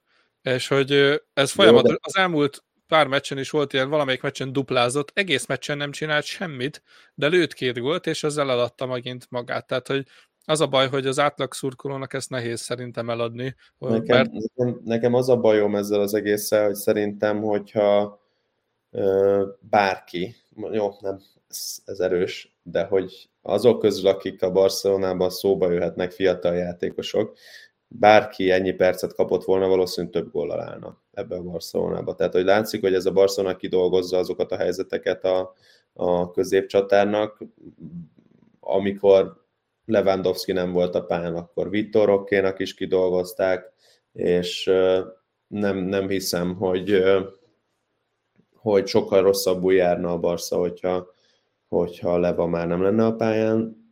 Most sokat, is. Bocsánat, sokat elmond, hogy én Real szurkolóként a, már akkor a, Az nem tudom, második fél időben, vagy elsőben volt az az óriási zicsere? Elsőbe. Elsőbe? Hát nem volt még, igen. Akkor azt még itthon néztem, de hogy én Real Madrid szurkolóként úgy kiáltottam fel, mikor az kimaradt, hogy mit csinálsz? Tehát, hogy általában ilyenkor tapsolni szokott az ellendrukker, nem pedig üzelni, de most komolyan már... Igen, ráadásul, ráadásul nem alakított ki az első fél időben sok helyzetet a Barca, de, de viszont amikor eljutottak a kapuig, azok olyan szép támadások voltak, és ott is azt hiszem Pedri sarkalta Gündogán tovább, Gündogán meg egyből, ahelyett, hogy elrúgta volna, tette már keresztbe, senki, már csak a védő állt a kapuba, és sikerült uh, nagyját tenni, és belerúgni abba az egy szemvédőbe. Mm, igazából megint, akit ki lehet emelni, Pedrinek nem volt rossz meccse, uh, úgy alapvetően, de neki azért még szerintem mindig sok perc kell ahhoz, hogy, hogy újra azt a Pedrit láthassuk, ami benne van, de hát já már egyszerűen hihetetlen, tehát két gól, ráadásul az a második gól, még hogyha ha előtte egy véleményes szituáció is volt az, hogy hogy hogy szerezte meg a labdát, mert azt mondom, hogy szerintem ott nyilván labdát is talált azután, hogy átrúgta a lábát szerencsétlen. Hát adható volt mindkét oldalra, szóval szerintem mm, nem szerint... kell ezt... Uh... Én, én, én Szerintem nem, szerintem az kifele rugás, de, de hát. nagyon jó, hogy nem nézték vissza. Nyilván akkor viszont jött volna. Tehát, hogy nálam ez az inkább 60-70 százalékba kifele rugás, mint tovább engedem, de nyilván tudjuk, mi jött volna utána Barca részről, tehát, hogy azt, azt szerintem senki nem akarta magának. Viszont az a befejezés megint, meg, meg ahogy megint játszott, tehát egyszerűen nem tud egy az egybe, bárki lehet rajta. És még azt hittem, hogy ott az elején Ú, gyorsan akartam mondani a nevét, aki fogta, de hogy még meg is tudja fogni, mert agresszív volt vele szembe, látszott, hogy kellemetlenkedik, nagyon figyel, hogy ne kerüljön hátrányba vele szembe, de hát azok a labda átvételek, ahogy beengedgeti magának, ahogy betolja a területbe, tehát hogy nagyon nehéz szerintem vele mit kezdeni, meg egy nagyon okos játékos, és nem csak egy az egybe jó, mint ahogy mondjuk egy Rafinha, és utána meg igazából nem tud mit kezdeni a labdával, beadogatja vakon, vagy kapura tüzel ész nélkül, hanem, hanem tényleg tehát az a játékértés, amivel ő rendelkezik, az hihetetlen nagy kincs szerintem, és hogy ennek még mindig csak szerintem a nagyon pici részét látjuk, és az a durva, hogy már ez is milyen jó játékos, meg hogy az, hogy jelenleg ő viszi a Barcelonát kb. egyedül. 16 éves. Nagyon durva, tehát hogy számomra ez, ez hihetetlen. Viszont itt néztem statokat így a Barszával szem, vagy Barszával kapcsolatban, ami, ami nekem nagyon mm, fejbe vágott most az, hogy Posotizgébe, amiről beszéltünk, ugye, hogy, hogy hogy védenek a kapusok, abba mínusz 3,4-jel áll a Barca, csak az Alméria, az utolsó helyzet Alméria, a, a győzelem nélkül álló Alméria tud rosszabbat produkálni tehát az egész kétségbejtő szerintem, ami ott történik. Azt hiszem egy kicsit az előző szezonnak a kiegyenlítődése most. Hát meg Penyá volt a kapuba, ami nem segítette, de hát a jó, értem, csak akkor se az utolsó helyre esnél vissza. Persze. Vagy az utolsó előttire, tehát az, az nekem egy kicsit túlzás, illetve itt még néztek, nézegettem, hogy, hogy milyen lövéseket kaphatunk mi, vagy hogy, hogy, hogy még, még mi az, ami, ami így szemet üt, és az, hogy a gól per kaput talált lövésekben, tehát hogy hány kaput talált lövésből kapunk gólt, ez nagyjából ugye azt mutatja a szem, hátulról a harmadik a csapat. Tehát, hogy a, a so, jó, tehát hogy a, mondjuk a Realhoz és a Real Sociedad és a Las Palmas áll az ebből a szempontból a legjobban, és azokhoz képest is úgy le vagyunk maradva, illetve hát tényleg borzasztó. Osasuna, Almeria, Barcelona, ez a három csapat ebből, ebből a tekintetből a legrosszabb három. És hát ez mindent elmond a védelemről is, hogy nagyon sok kapuralövést engednek, meg hát azok a kapuralövések azok viszonylag nagy, nagy helyzetek, és Nyilván ez abból adódik, hogy átmeneteket kapunk folyamatosan, hogy átrohannak rajtunk, és felállt védele, nem felállt védelem ellen, vagy nem, nem tudunk felállni, védekezni, hanem, hanem egyszerűen mindig átmenetbe vagyunk, amiből nehéz normálisan védekezni, és amiből nagy helyzeteket fog kialakítani, hogyha kialakít helyzetet a csapat, nem pedig távoli lövésekből fog eredményes lenni. Szóval nem jó a helyzet, nem tudom, hogy, hogy én ezt a meccset amúgy rosszabbnak látom, így összességében. Tehát a Granada ellen 3-3-at játszani, úgy, hogy a Granada most már 5 meccse veretlen a Barcelonával szembe, ami, ami hihetetlen, nem tudom, hogy a Granada bármelyik spanyol első osztályú csapattal szemben hasonlót tud-e produkálni, de hát úgy gondolom, hogy nem. Úgyhogy most én, most én rosszabbnak látom ezt a helyzetet, mint ami mondjuk volt a Villarreal ellen, de, de meglátjuk, hogy, hogy um, hogyan tovább. Egy picit lennék az ördög ügyvédje, mint, mint rálos, csak azért használtam ezt az analógiát. Mm. Tényleg ezek ilyen kukacoskodások, de én azért úgy érzem, hogy a meccs szempontjából egy picit azért, mm, tehát van jelentőségük. Ki volt írva a meccs közben, hogy a Granada védelmi vonala 40 méteren volt meghúzva, ami mm. a, szezon átlagjuk 34. Tehát nem a Barcelona ellen, hanem a többi csapat ellen a szezon átlag 34 volt, és most 6 méterrel eleve föntebb voltak, és ez mondjuk eleve indukálja az átmeneteket. Mondjuk megvan a kockázat is magában, hogy nagy területet hagyott maga mögött a Granada, ugye ebből volt is problémájuk, de, de tökös húzás volt, hogy ezt meghúzták. Viszont ezzel szerintem ilyen értelemben meg is akasztották kicsit a, a Barcelonát támadásban, tehát ennek szerintem köszönhető az, ami úgymond történt, főleg a, a mm, első időben, de itt inkább arra akartam kihozni az egészet, hogy az az első gólja a Granadának, az az egyenlítő gól, az szerintem az egy olyan dolog volt, hogy most az, ha a Barca bármikor, bármelyik másik évben kapja azt az egy gólt, akkor nem történik semmi, de az, ami ebben a szezonban, amin átment a Barcelona, meg amilyen idézőjelben negatív flowban vannak most, az, az szerintem utána már a többit indukálta, a többi hibát. Tehát ha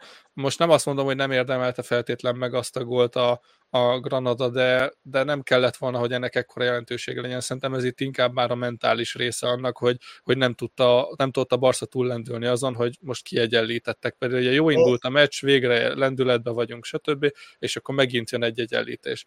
És ha a második gólt is megnézed, a, ott is például a védelem nem kommunikált. A Kundé simán levehette volna a labdát, a, ugye beívelés érkezett, és Kubársi hátrált és elfejelte Kundé elől, mert nem látta, hogy nem, ugye nem hallotta, hogy mögötte van Kundé, és Oda, abból lett utána hogy, a gól. Hogy, hogy, hogy kommunikálnának, vagyis hogy, tehát, hogy nekem az a bajom, hogy ugye társas kapcsolatokról szól a védekezésnek az alapja is.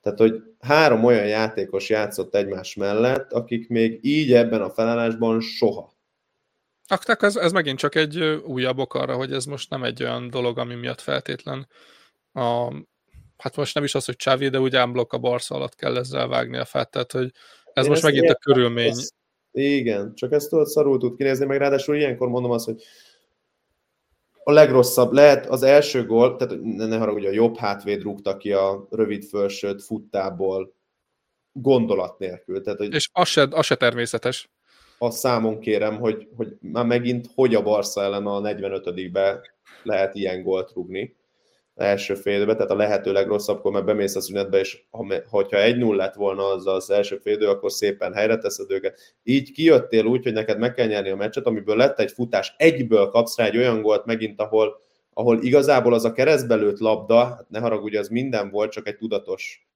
dolog, nem? Amiből hát meg ugye... a hétvégén hány ilyen belebotlás volt, ami innen mellé vagy fölé ment, és neki Tehát, sikerült úgy belebotlani, hogy még pont a kapufa mögött ment be a kapuba. Na mindegy, szóval én azt mondom, hogy sok minden összejátszik abban, hogy a Barcelona jelenleg itt áll, biztos, hogy a szerencsének ebben nagyon nagy része van, viszont nem, nem jó jeleket mutatnak erre válaszul. Tehát én azt mondom, hogy egy Barcelona nem zuhanhat ettől ennyire szét még hogyha kap kettő ilyen gólt is, akkor is tartásának kell lenni ennek a csapatnak. Nyilván ez ebben a helyzetben nehéz, amikor a, aki tartást tud mutatni, az jelenleg Jamal. És hát aki meg... azt látod, hogy ő, ő mindent megtesz az Jamal. Nyilván a középpályán is vannak olyan játékosok. Nekem ami nagyon-nagyon hibázik, ami ugye, és bocsánat, hogy most már nagyon sokat beszélek erről, Viktor Roki lett volna nagyon-nagyon fontos, vagy lesz nagyon fontos ebbe a Barszába. Én azt vettem észre, hogy pont azért tudja 40 méterre föltolni a Granada ezt a, a védelmi vonalat, mert egyszerűen nincsenek beinduló játékosok mélységben. Tehát, hogy Jamal indul be, nagy, nagy mennyiségben nem kapja oldalabdát, Cancelo, hogyha föl tud, akkor néha beindul, de hogy ha belegondolsz, Pedri játszott ugye a, tehát Pedri indult a bal szélső posztjáról, nyilván ő nem fog mélységben nagyon elkérni tehát Lewandowski... Baldé lehetne, ha lenne. Micsoda? Baldé lehetne, ha lenne. De ő meg nincs.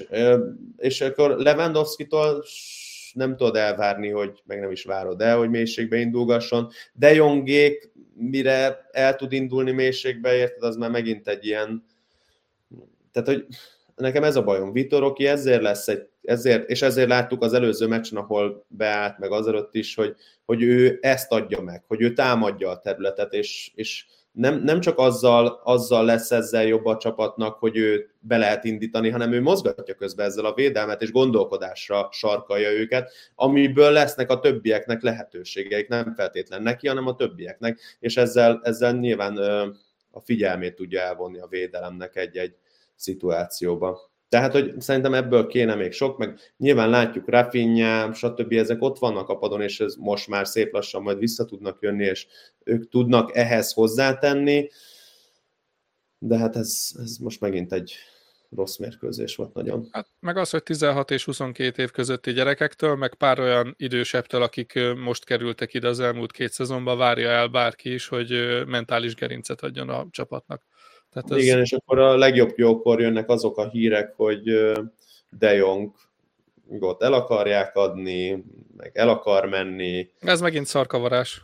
Persze, persze, persze. Viszont szerintem lépjünk tovább a következő mérkőzésre. Így igaz. A Real Madrid Real Madrid Girona 4-0. Hát imi. Kész, vége, mehetünk tovább. Igazából nem, megyünk tovább, igen, de arra, hogy hogyan készültek egymásra a csapatok és, és a hiányzóik pótlására.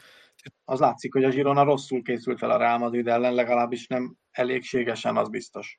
Hát, ez ilyen... A játékvezetők készítették föl jól a Gironát a Real Madrid ellen. Igen.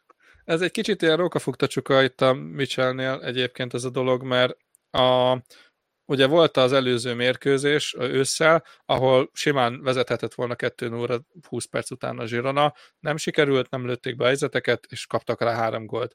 Most akkor a Zsirona nagyjából a szokásos játékát játszotta, mintha nem is a Real Madrid lenne az ellenfél, hanem akárki más.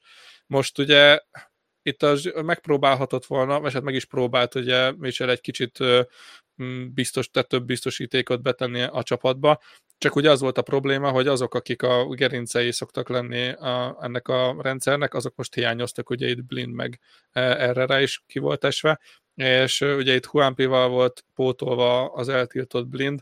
Hát ugye ennek taktikai van, mert ugye a Zsironánál van ez a hármas forgás, amit elő szoktak csinálni, ugye blind közép hátvéd létére fölmegy, és mikor Szávio behúz középre, akkor blind vált ki a helyére, és akkor Szávio vagy ugye, mint tükörszélsőként vagy lő, vagy pedig megpróbálja kitenni egy beadásra blindnek. Na most ezt nem lehet Huampival eljátszani, és nem is nagyon próbálkoztak vele, emiatt ugye Savio meg Gutierrez úgy párosban maradtak, és nem kapták meg a, ehhez szükséges harmadik embert, tehát ott ők azért elég magukra voltak hagyva, és Savio, aki a legprogresszívabb játékosa, nem csak a Zsironának, hanem az egész ligának, most konkrétan tényleg ilyen szürke szamára ködben alig lehetett látni egész meccsen, szörnyű meccse volt szegénynek aztán uh, itt fölírtam még, hogy a Girona itt 2-3-ban építkezett, hogy ők rengetegszer csinálják azt, hogy ilyen 2-2-6-ban mm, totálisba tolják a, az ellenfelet, és ezt most így 3-1-6 szokott még lenni.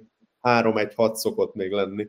Igen, és de a lényeg nem változtat, tehát, hogy hat ember van elől, de ezt most nem merték bevállalni az őszi meccs, meg a hiányzók miatt se, viszont ugye pont ez az ember hiányzott, aki kellett volna elől, aki ezeket a mozgásokat tudja indukálni, és ugye egy kicsit saját magukat megkötözték támadásban, ugye itt már utaltam az őszi meccsre, nyilván ez adott erre okot, de, de sajnos Mitchell nem tudom, hogy mit, nem, nem, most nem mondom azt, hogy itt jobb lett volna, hogyha nyomják tovább a saját játékokat, lehet, hogy egy még nagyobb pofonba szaladnak bele.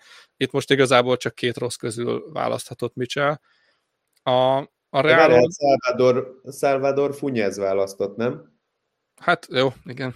Mutatták ott Mitchell-t rengeteget fönt a ezében a kalitkában. Tessék? Vokitokival? Azt nem láttam, csak hogy bent abban az üveg mm, külön elüvegezett részben volt fönt. A, nem is tudom, Twitteren olvastam, azt hiszem, hogy a, a Spanish Football Podcastnak az egyik szereplője írta a Twitteren, hogy együtt utazott a liftben a félidőben a Michellel, és hát nem volt boldog érthető okokból. De ha nem tudom, ehhez van-e még valami, vagy átmehetek a reára? Nem, igazából nekem, nekem ami, így a kettő között van, amit én akarok mondani, tehát hogy a Real nagyon jól ráérzett viszont, hogy mik a, ennek a keretnek a gyengeségei, és hogy mit tudnak ők kihasználni. Hát igen, itt, itt elsősorban a védelmet emelném ki, mert hát az a tákolásnak a csúcsa, amit azért Ancelotti mostanában csinál a, a Reállal. Itt, amikor Carvajal volt a baloldali belső védő, ott azért hát írtam is a posztból, hogy a pupillám az igencsak kitágult. Aztán ugye később kiderült, hogy azért, mert azt mondta, hogy ő neki mindegy, hogy hol van, mikor Ancelotti megkérdezte. Chouameni meg inkább a, a jobb oldalon szeretett volna lenni, úgyhogy igazából ennyi az oka. Csak ugye fura, hogy jobb oldali be, szélső hátvédként baloldali belső védőt játszott, de végül is ebből nem lett aztán probléma.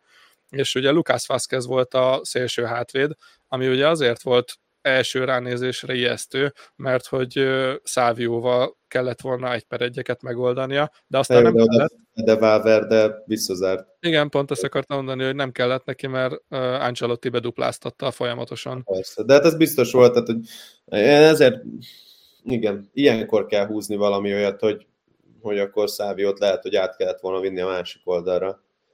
És, hát, hát vagy nem tudom, igen, tehát nyilván ez nehéz, de azt mondom, hogy még ha Lukász Veszkez védekezésben nem is, azért Fede de viszont védekezésben olyat tud nyújtani még pluszba, főleg ha besegítő védőként használod, hogy, hogy ott azért sok mindent nem tudsz kezdeni. Hát meg azt nem felejthetjük el, hogy ugye Valverdének a BL címes szezonban konkrétan jobb hátvédet játszott a szezon nagy részében, tehát hogy még csak nem is az van, hogy nincs benne rutinja, és egyébként volt a, a Mark Statson a hőtérképek, a, a Lucas Vázquez magasabban helyezkedett átlagosan, mint Valverde. Tehát hát Lucas Vázquez... is, de most, hogyha nem Szávió van ott, egy átlagos meccsen is csomószor előfordul, hogy Kárvál mögé, Fede Valverdének az az egyik legnagyobb feladata, hogy a Kárvál mögé pont ezeket a, az átmeneteket orvosolva oda be kell segíteni, hogyha Kárvál nagyon elmegy.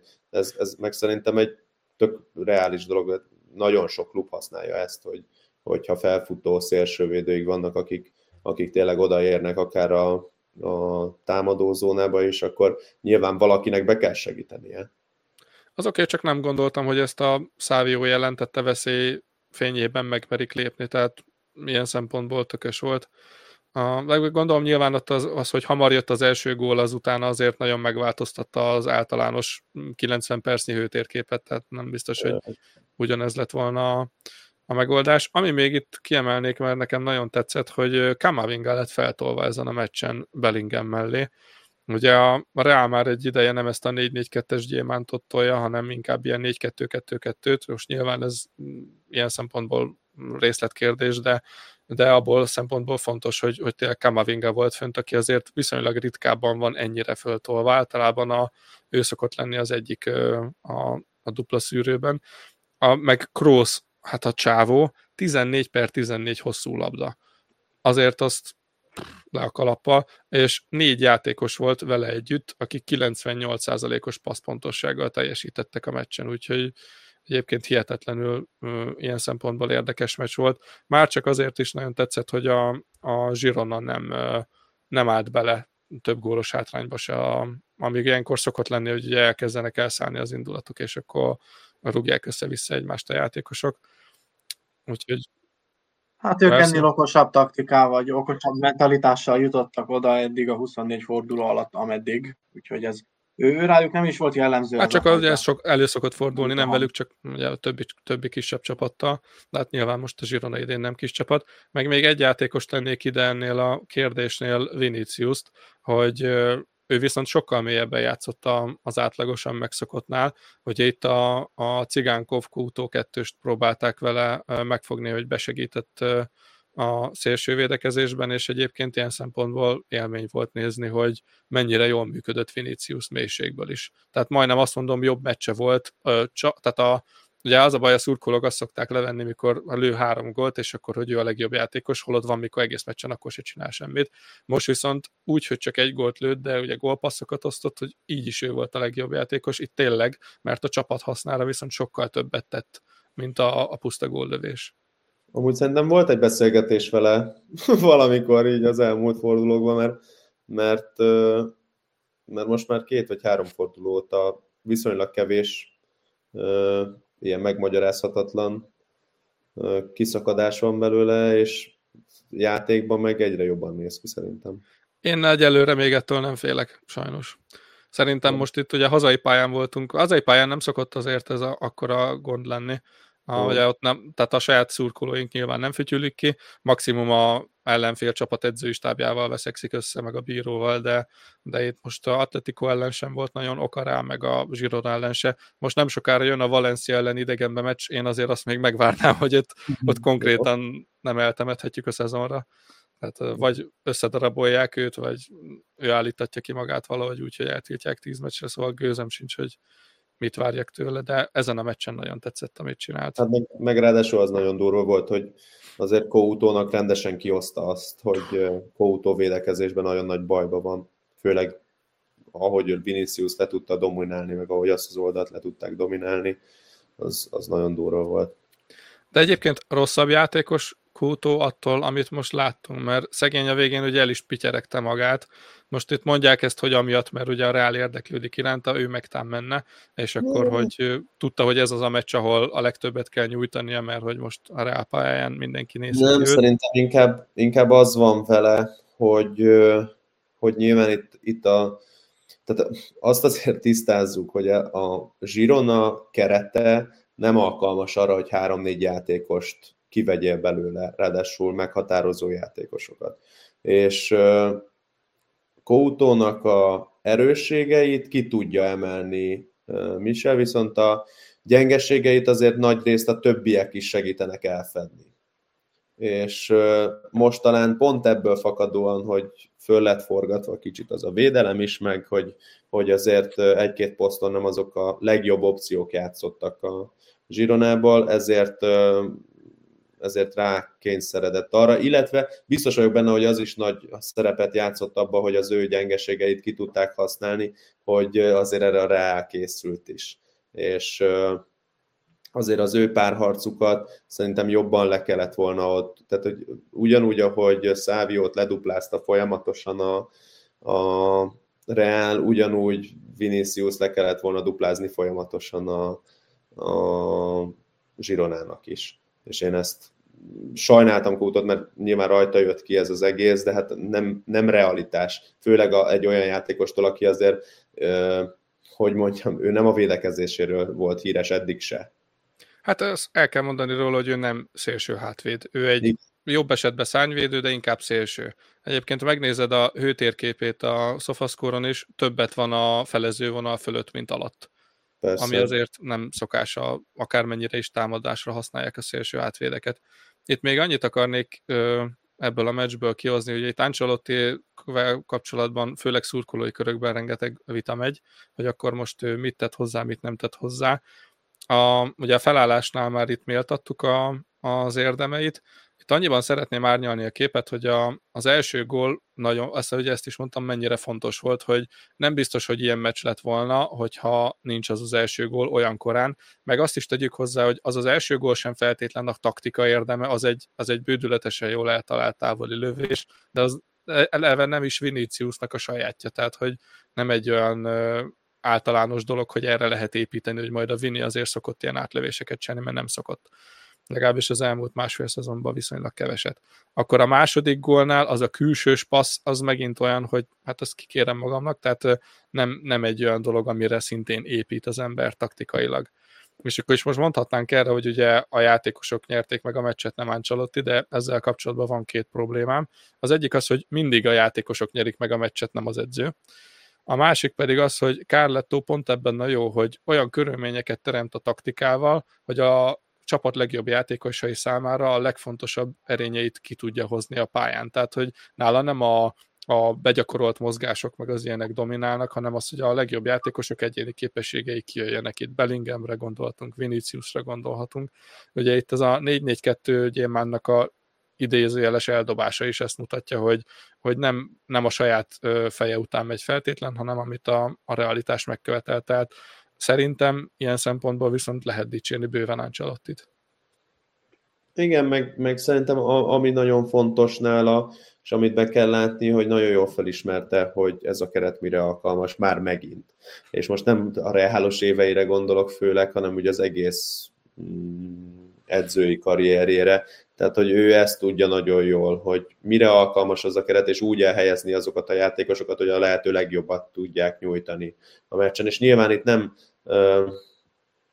nem egy kontéról beszélünk, aki passzút vonalakat rajzol le és kér számon a játékosoktól, hanem, hanem sokkal szabadabban gondolkozik, viszont azért azt látszik, hogy úgy megtölti a pályának a, kö, a közepét, hogy, hogy nagyon nehéz őket, őket ott dominálni, és pont ebből fakadóan az átmeneteket is tudják nagyon jól, még egy rossz rossz védelemmel, tehát azért valljuk meg, hogy egy szedetvedett védelemmel is tudnak olyan stabilak lenni most már meccsről meccsre hátul, vagy stabilnak tűnni legalábbis meccsről meccsre hátul, hogy, hogy le a kalappal, mert azért ebből most ma, tehát hogy mondjuk azt, hogy mennyit tud hozzárakni egy edző, ugye általában a kerethez egy ilyen 15%-ot tud hozzárakni ez a, az állítása a futballszakértőknek, és viszont rontani meg bármennyit tud. Hát szerintem ő bőven beleteszi mindig a 15%-ot.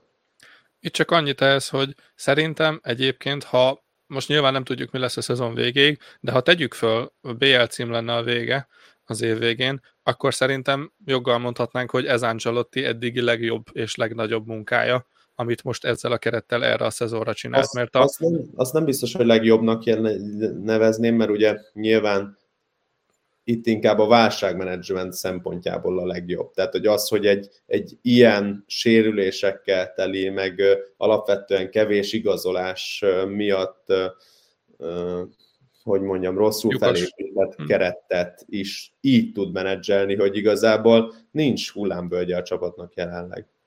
Hm, csak erre, én erre gondolok itt például, hogy ott a, a karácsonyfás Milánnál ugye ott Shevchenko, Kaká, tehát hogy minden pozícióra megvolt az adott játékos, és itt Há, a Reálnál meg... Azért, azért ott is mindegy, ezt érdemes szerintem elolvasni a, a könyveit, hogy az azért ott se, ott se úgy indult. Tehát, Persze. Hogy is, ő megtalálta mindenkinek a helyét, és ahhoz igazította a, a felállási formáját, hogy milyen játékosai vannak, de hogy azért ez, ez, ez ehhez nagyon sok tapasztalat kell, meg nagyon jó érzékek kellenek ehhez, hogy erre ráérez, hogy ki, melyik játékos hol tudja a legjobbját nyújtani, és ehhez nyilván nagyon jó taktikai érzék is kell, hogy ezt fel tud építeni úgy, hogy ez egy működő csapat legyen.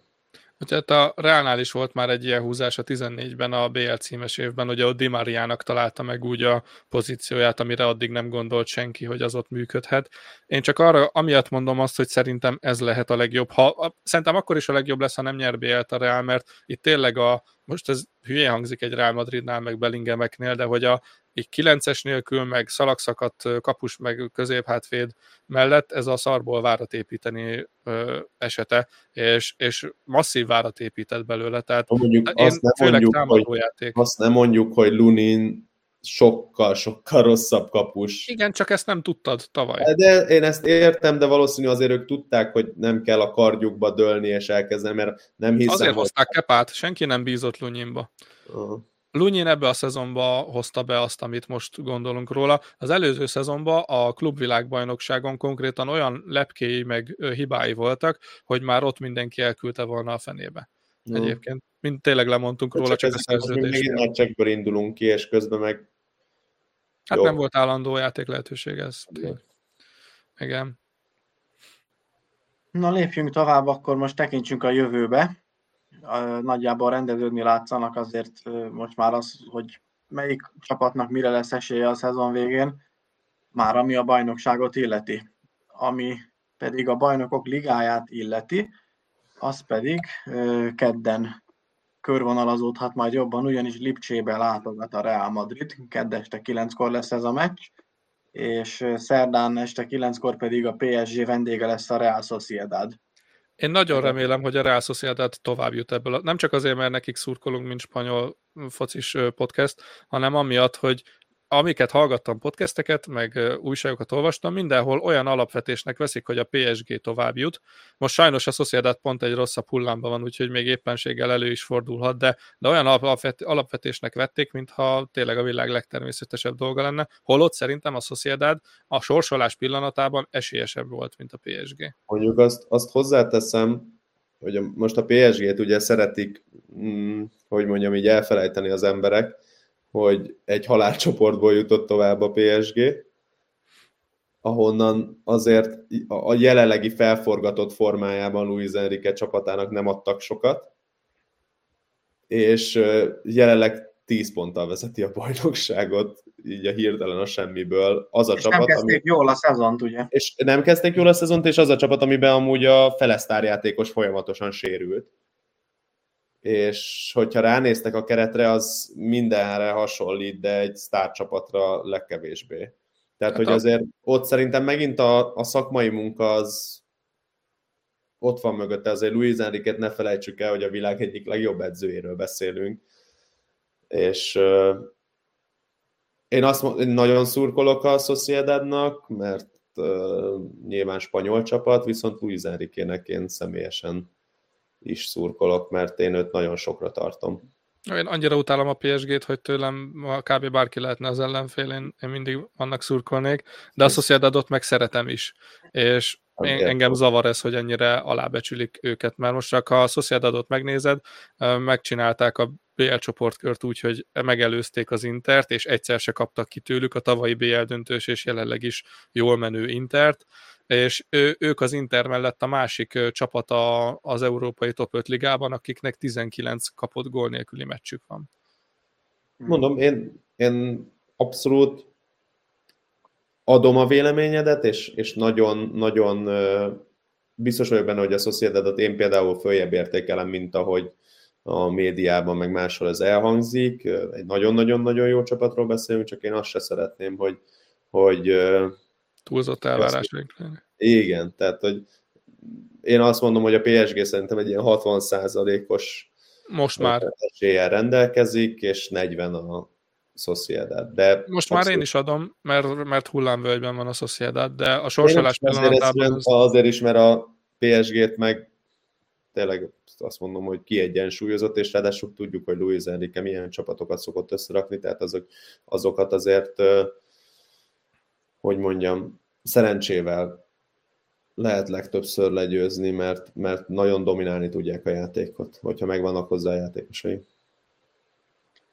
Így van, és lesz még csütörtökön este 9-kor szintén egy európai konferencia liga meccs, Betis, Dinamo Zagreb, talán ez a három bal a legkiegyensúlyozottabb a három hétközi kupa meccsből, úgyhogy igazából minden este 9-kor kétszer a csütörtök, hogyha spanyol focit akartok nézni, akkor, akkor ezt a hármat ajánljuk jó szívvel. De mit ajánlunk a 25. fordulóra a bajnokságban, Imi? Én a, hát most egy kicsit ilyen uh, hipster uh, párosításra jövök, a Granada Almeria roncs derbit ajánlom mindenkinek, ez vasárnap 16-15-kor lesz. Ugye a két csapatnak együtt nincs 20 pontja jelenleg a ligában, amivel még, még mindig nem lennének együtt sem bent maradó helyen tehát egy szörnyű állapotban vannak. Itt annyit kell ugye ezt hozzátenni, hogy az Almeria, a, az, ők már biztos, hogy kiestek, tehát nekik mindegy, ők az első győzelmükre hajtanak, és még mindig nem, nem nyertek, igen. igen. mikor, ha nem, a már mellettük töketlenkedő másik csapat ellen van a legjobb esélyük, úgyhogy szerintem nekik. Emiatt fontos. A Granada ugye azért 13 pontos, tehát ők csak, csak idézőjelben egy 7 pontra vannak a bennmaradástól, úgyhogy nekik még éppen esélyük is lehet. És, hát meg most jönnek egy Barca elleni döntetlenből. Jó, hát az szerintem az most, ahogy mondtam is, az szerintem egy kicsit ilyen kifutott eredmény, mert utána meg képesek kikapni a Majorkától nagyon simán, tehát hogy majd meglátjuk, de, de nekik meg ez a három pont nagyon fontos, ha komolyan gondolják, hogy benn maradjanak. Pongi? Uh-huh. Én akkor én hazabeszélek az Atletico Madrid Las palmas de nem azért, mert hogy ilyen nagyon vidáman hazabeszélek, hanem sajnos éppen ellenkezőleg. Az Atletico Madrid hullámvölgyben van, a Las Palmas mondhatni jól áll, és ugye a nyolcadik helyen állnak, tehát most már egy jó kiforrott játékuk van, és jól csinálják. A lehetőségeik, a kereteiken belül jó munkát végeznek, valamint ugye a taktikát is megtalálták össze, hogy hogyan tudják az atletikot megverni. Hát a Las Palmas egy jó csapat. A kérdés az, hogy azóta ők egy a, kicsit jobban A Las Palmas annyira jó csapat, hogy egy tízzel fölül védi a, kap, a mindenkori kapusuk, azaz Vájesz a Posotizgéjét. De az egy milyen rohadt jó kapus, hallod? Plusz 10, és amúgy e, e, ugye erről már beszélgettünk régebben, meg cikket is csináltam róla, hogy ezt a másodosztályban is már hozta, mert plusz 5-tel túlvédte. Jó, a plusz 10 nagyon durva, tehát hogy ez, ez számomra egy... Ezt a meccset ajánlom, az Atlético hullámvölgyben van, a Las Palmas jól összeállt a szezonra most már, és már bizonyította, hogy meg tudja találni a taktikát az atleti ellen, úgyhogy én ezt mondanám, és ez pedig ugye szombat 14 óra. Pálusz, te melyiket ajánlod? Én egy, jaj, Atletic Bilbao Gironát hoztam. Uh-huh. Hát, hát az a rangadója a fordulónak. A rangadója a fordulónak. Né, nézzük meg, hogy, hogy mire mehetnek egymással. Ugye nyilván a Bilbao be fog állni szépen védekezni és kontrázni.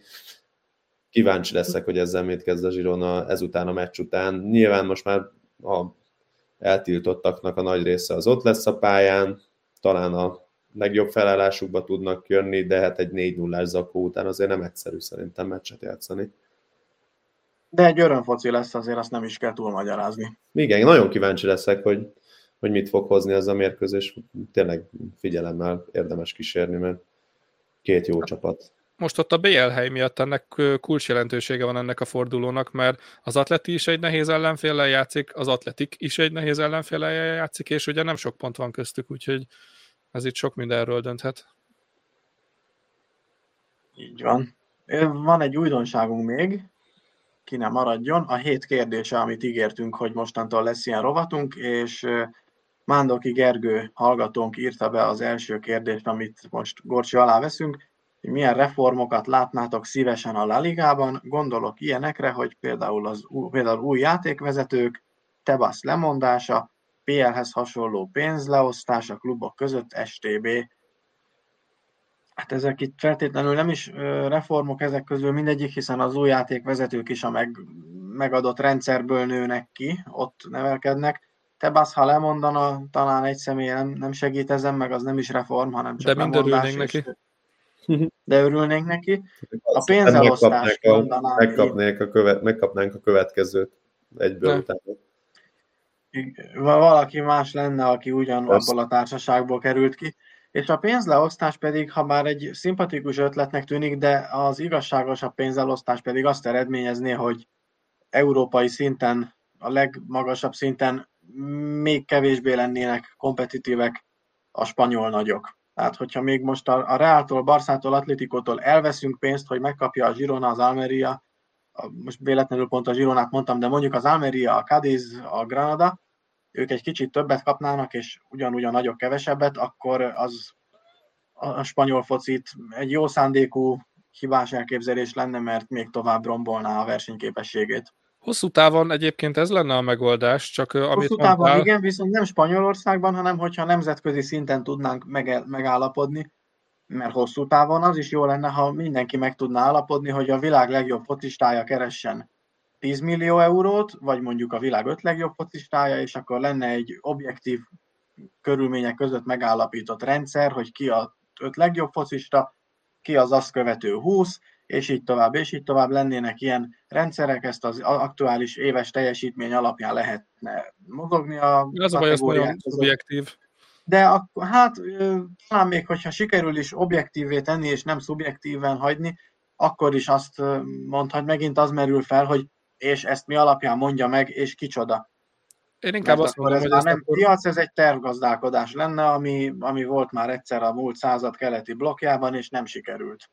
Akkor inkább azt mondom, hogy egy pénzügyi sapka lenne erre a megoldás, és akkor azon belül már a klubok döntik el, hogy kinek mennyit adnak a, abból a... Igen, de sokszor kicselezik ezt is. Hmm, szerintem jól szabályozva működhetne az Amerikában a major sportokban, amelyiknél használják, ott jól működik. Én egyébként más vizekre vesztem itt ezt illetően. Én az átláthatóságot mondtam, vagy írtam fel magamnak, hogy én azt hoznám be egy kicsit angol módra, mint reformat a ligába, hogy például ott a Angliában az van, hogy a játékvezetőknek a főnöke a Howard Webb, ő például simán kiáll a nyilvánosság elé valamelyik tévéműsorban, amikor van valami vitatott szituáció, akkor azt szépen elmagyarázza a hangfélvételek, elmondja, hogy miért döntött úgy a bíró, mindent rendesen kitesznek. Tehát, hogy egy ilyen fajta, nem is ha lemásolva, de egy ilyen fajta átláthatóság, hogy ne kelljen meghekkelni a rendszert ahhoz, hogy a VAR felvételeket meghallgathassuk, legyen elmagyarázva, legyen értékelve, mondják ki, hogyha hibázott a bíró, tehát nem az a baj, hogy hibázik, mert tökéletlen ember, tehát nem csinálhat mindent jól, csak a felelősséget legalább vállalják emberek azért, ami történik. A másik, amit hoztam, hogy a, az, ami zajlik jelenleg ez a néphergelés több oldalról is, én azt valamilyen szinten szabályoztatnám. Például a Real Madrid TV-nek ezeket a bírógyalázó műsorait azt élből be kellene tiltani, meg hát ugyanezt a azért a másik oldalon is csak nyilatkozatokkal való játékot szintén valamilyen szinten korlátoznám. Most pontosan a módját hirtelen nem tudom, így nem, annyira nem gondoltam túl, hogy kitaláljam, de valamilyen szintű, hogy mondjam, elismerést a nem is most nem a játékvezetőknek, csak tehát ne az legyen már, hogy így gyalázunk mindig mindenkit, aztán csodálkozunk, hogy mm, még inkább kompenzálnak dolgokat, tehát hogy ne akarja senki befolyásolni a játékvezetőket semmivel. És Bálusz, neked egy-két mondatban van hát, egy jó Nyilván a játékvezetőkkel szerintem meg, meg eleve a varnak a működését át kéne gondolni egy kicsit a Spanyolországban, mert uh, szerintem vannak olyan uh, dolgai, amiket, amik átgondolásra alkalmasak lennének. Én például lehet, hogy a bajnokságot gondolnám kevesebb csapatra most a tenném, szavaztak tehát, hogy... az olaszok, és ott hiszti lett belőle, mert hogy a négy nagy csapat, most hagyd nem mondjam melyik négy, de Inter, Juve, Milán, mit tudom én, uh, ők négy, négyen szavaztak Róma. arra, hogy Róma. visszavonják a, tehát a két csapattal lecsökkentsék, a másik 16 meg ellene szavazott, úgyhogy marad 20 csapatos az olasz bajnokság, mert hogy az angolban meg a spanyolban is jól működik. De hát nyilván hülyeség, ha a csapatok szavaznak ez ügyben, mert a kis csapatok nyilván nem akarják kiejtetni magukat, tehát hogy nem is tudom, hogy ki mire gondolt itt, hogy... Meg hogy nem működik jól ott se. Nem, hát. Közben meg. Én, hát a Márta Bence... arra csak annyi, bocsánat, Márta Bence pont mindig arról panaszkodik, hogy a legtöbb olasz csapat, amelyik feljut a szériábéből, az általában ugyanúgy hullik is vissza, mert teljesen alkalmatlan a, a szériás. De én, pont e, e, ezen gondolkozok, hogy hogyan lehetne egy kicsit minőséget emelni még, és nyilván nem az Almériát akarom leszólni, meg, meg nem hiszem, hogy olyan nagyon kiugró a rossz csapat, mert az Alméria se egy kiugró a rossz csapat, inkább az eredményei kiugróan rosszak. Viszont szerintem azzal hogyha kevesebb fele kell a pénzt elosztani, azzal már nyilván megint csak jobb tud lenni a bajnokság, illetve hogyha ha, ha egy kicsit, tehát ez nekem ez a 20 csapat jelen pillanatban szerintem ennyi, ennyit nem bír el ez a bajnokság, és lehetne kevesebb csapattal ugyanezt lehozni, főleg úgy, hogy tényleg itt a nagy nevekre koncentrálva, tehát hogy, hogy nekem így ez jutott eszembe csak, hogy, hogy ezzel én 18 csapatosra tenném, jobban működne szerintem, meg jelenleg nem tud ennyi csapatot eltartani ez a liga, úgyhogy az fejlődőképes is legyen. Kicsit kevesebb ez lenne a meccs. Elképzelhető, meg a meccs is kevesebb lenne. Lesz a jövő héten is, vagyis hát ezen a héten is hét kérdése, majd figyeljétek a spanyolfoci.hu-t a Facebookon, meg más fórumokon is, egész pontosan Facebookon, Instagramon, TikTokon, Youtube-on, az Mi történt? Le, lemerült a laptopja. Írta az előbb, csak nem vettem észre, csak kértsem. Hmm. Fektesd már ellétni. Nem csak én látom úgy, hogy ez, ez is szét van csúszva. Nagyon. Fektesd el. El van fektetve, képzeld, ha visszacsinálom, akkor... Az jó, így jobb. Most csak... Zseniális.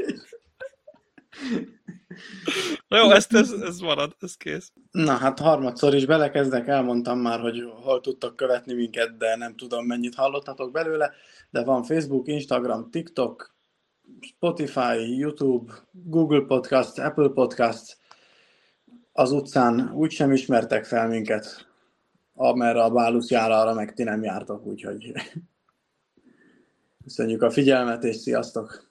Sziasztok! Pongi, nagyon vicces voltál. Igyekeztem. Már vártam az erotikus elköszönés hangot. Sziasztok! De nem, mikor még az elején beköszön. Sziasztok! Sziasztok! Ali.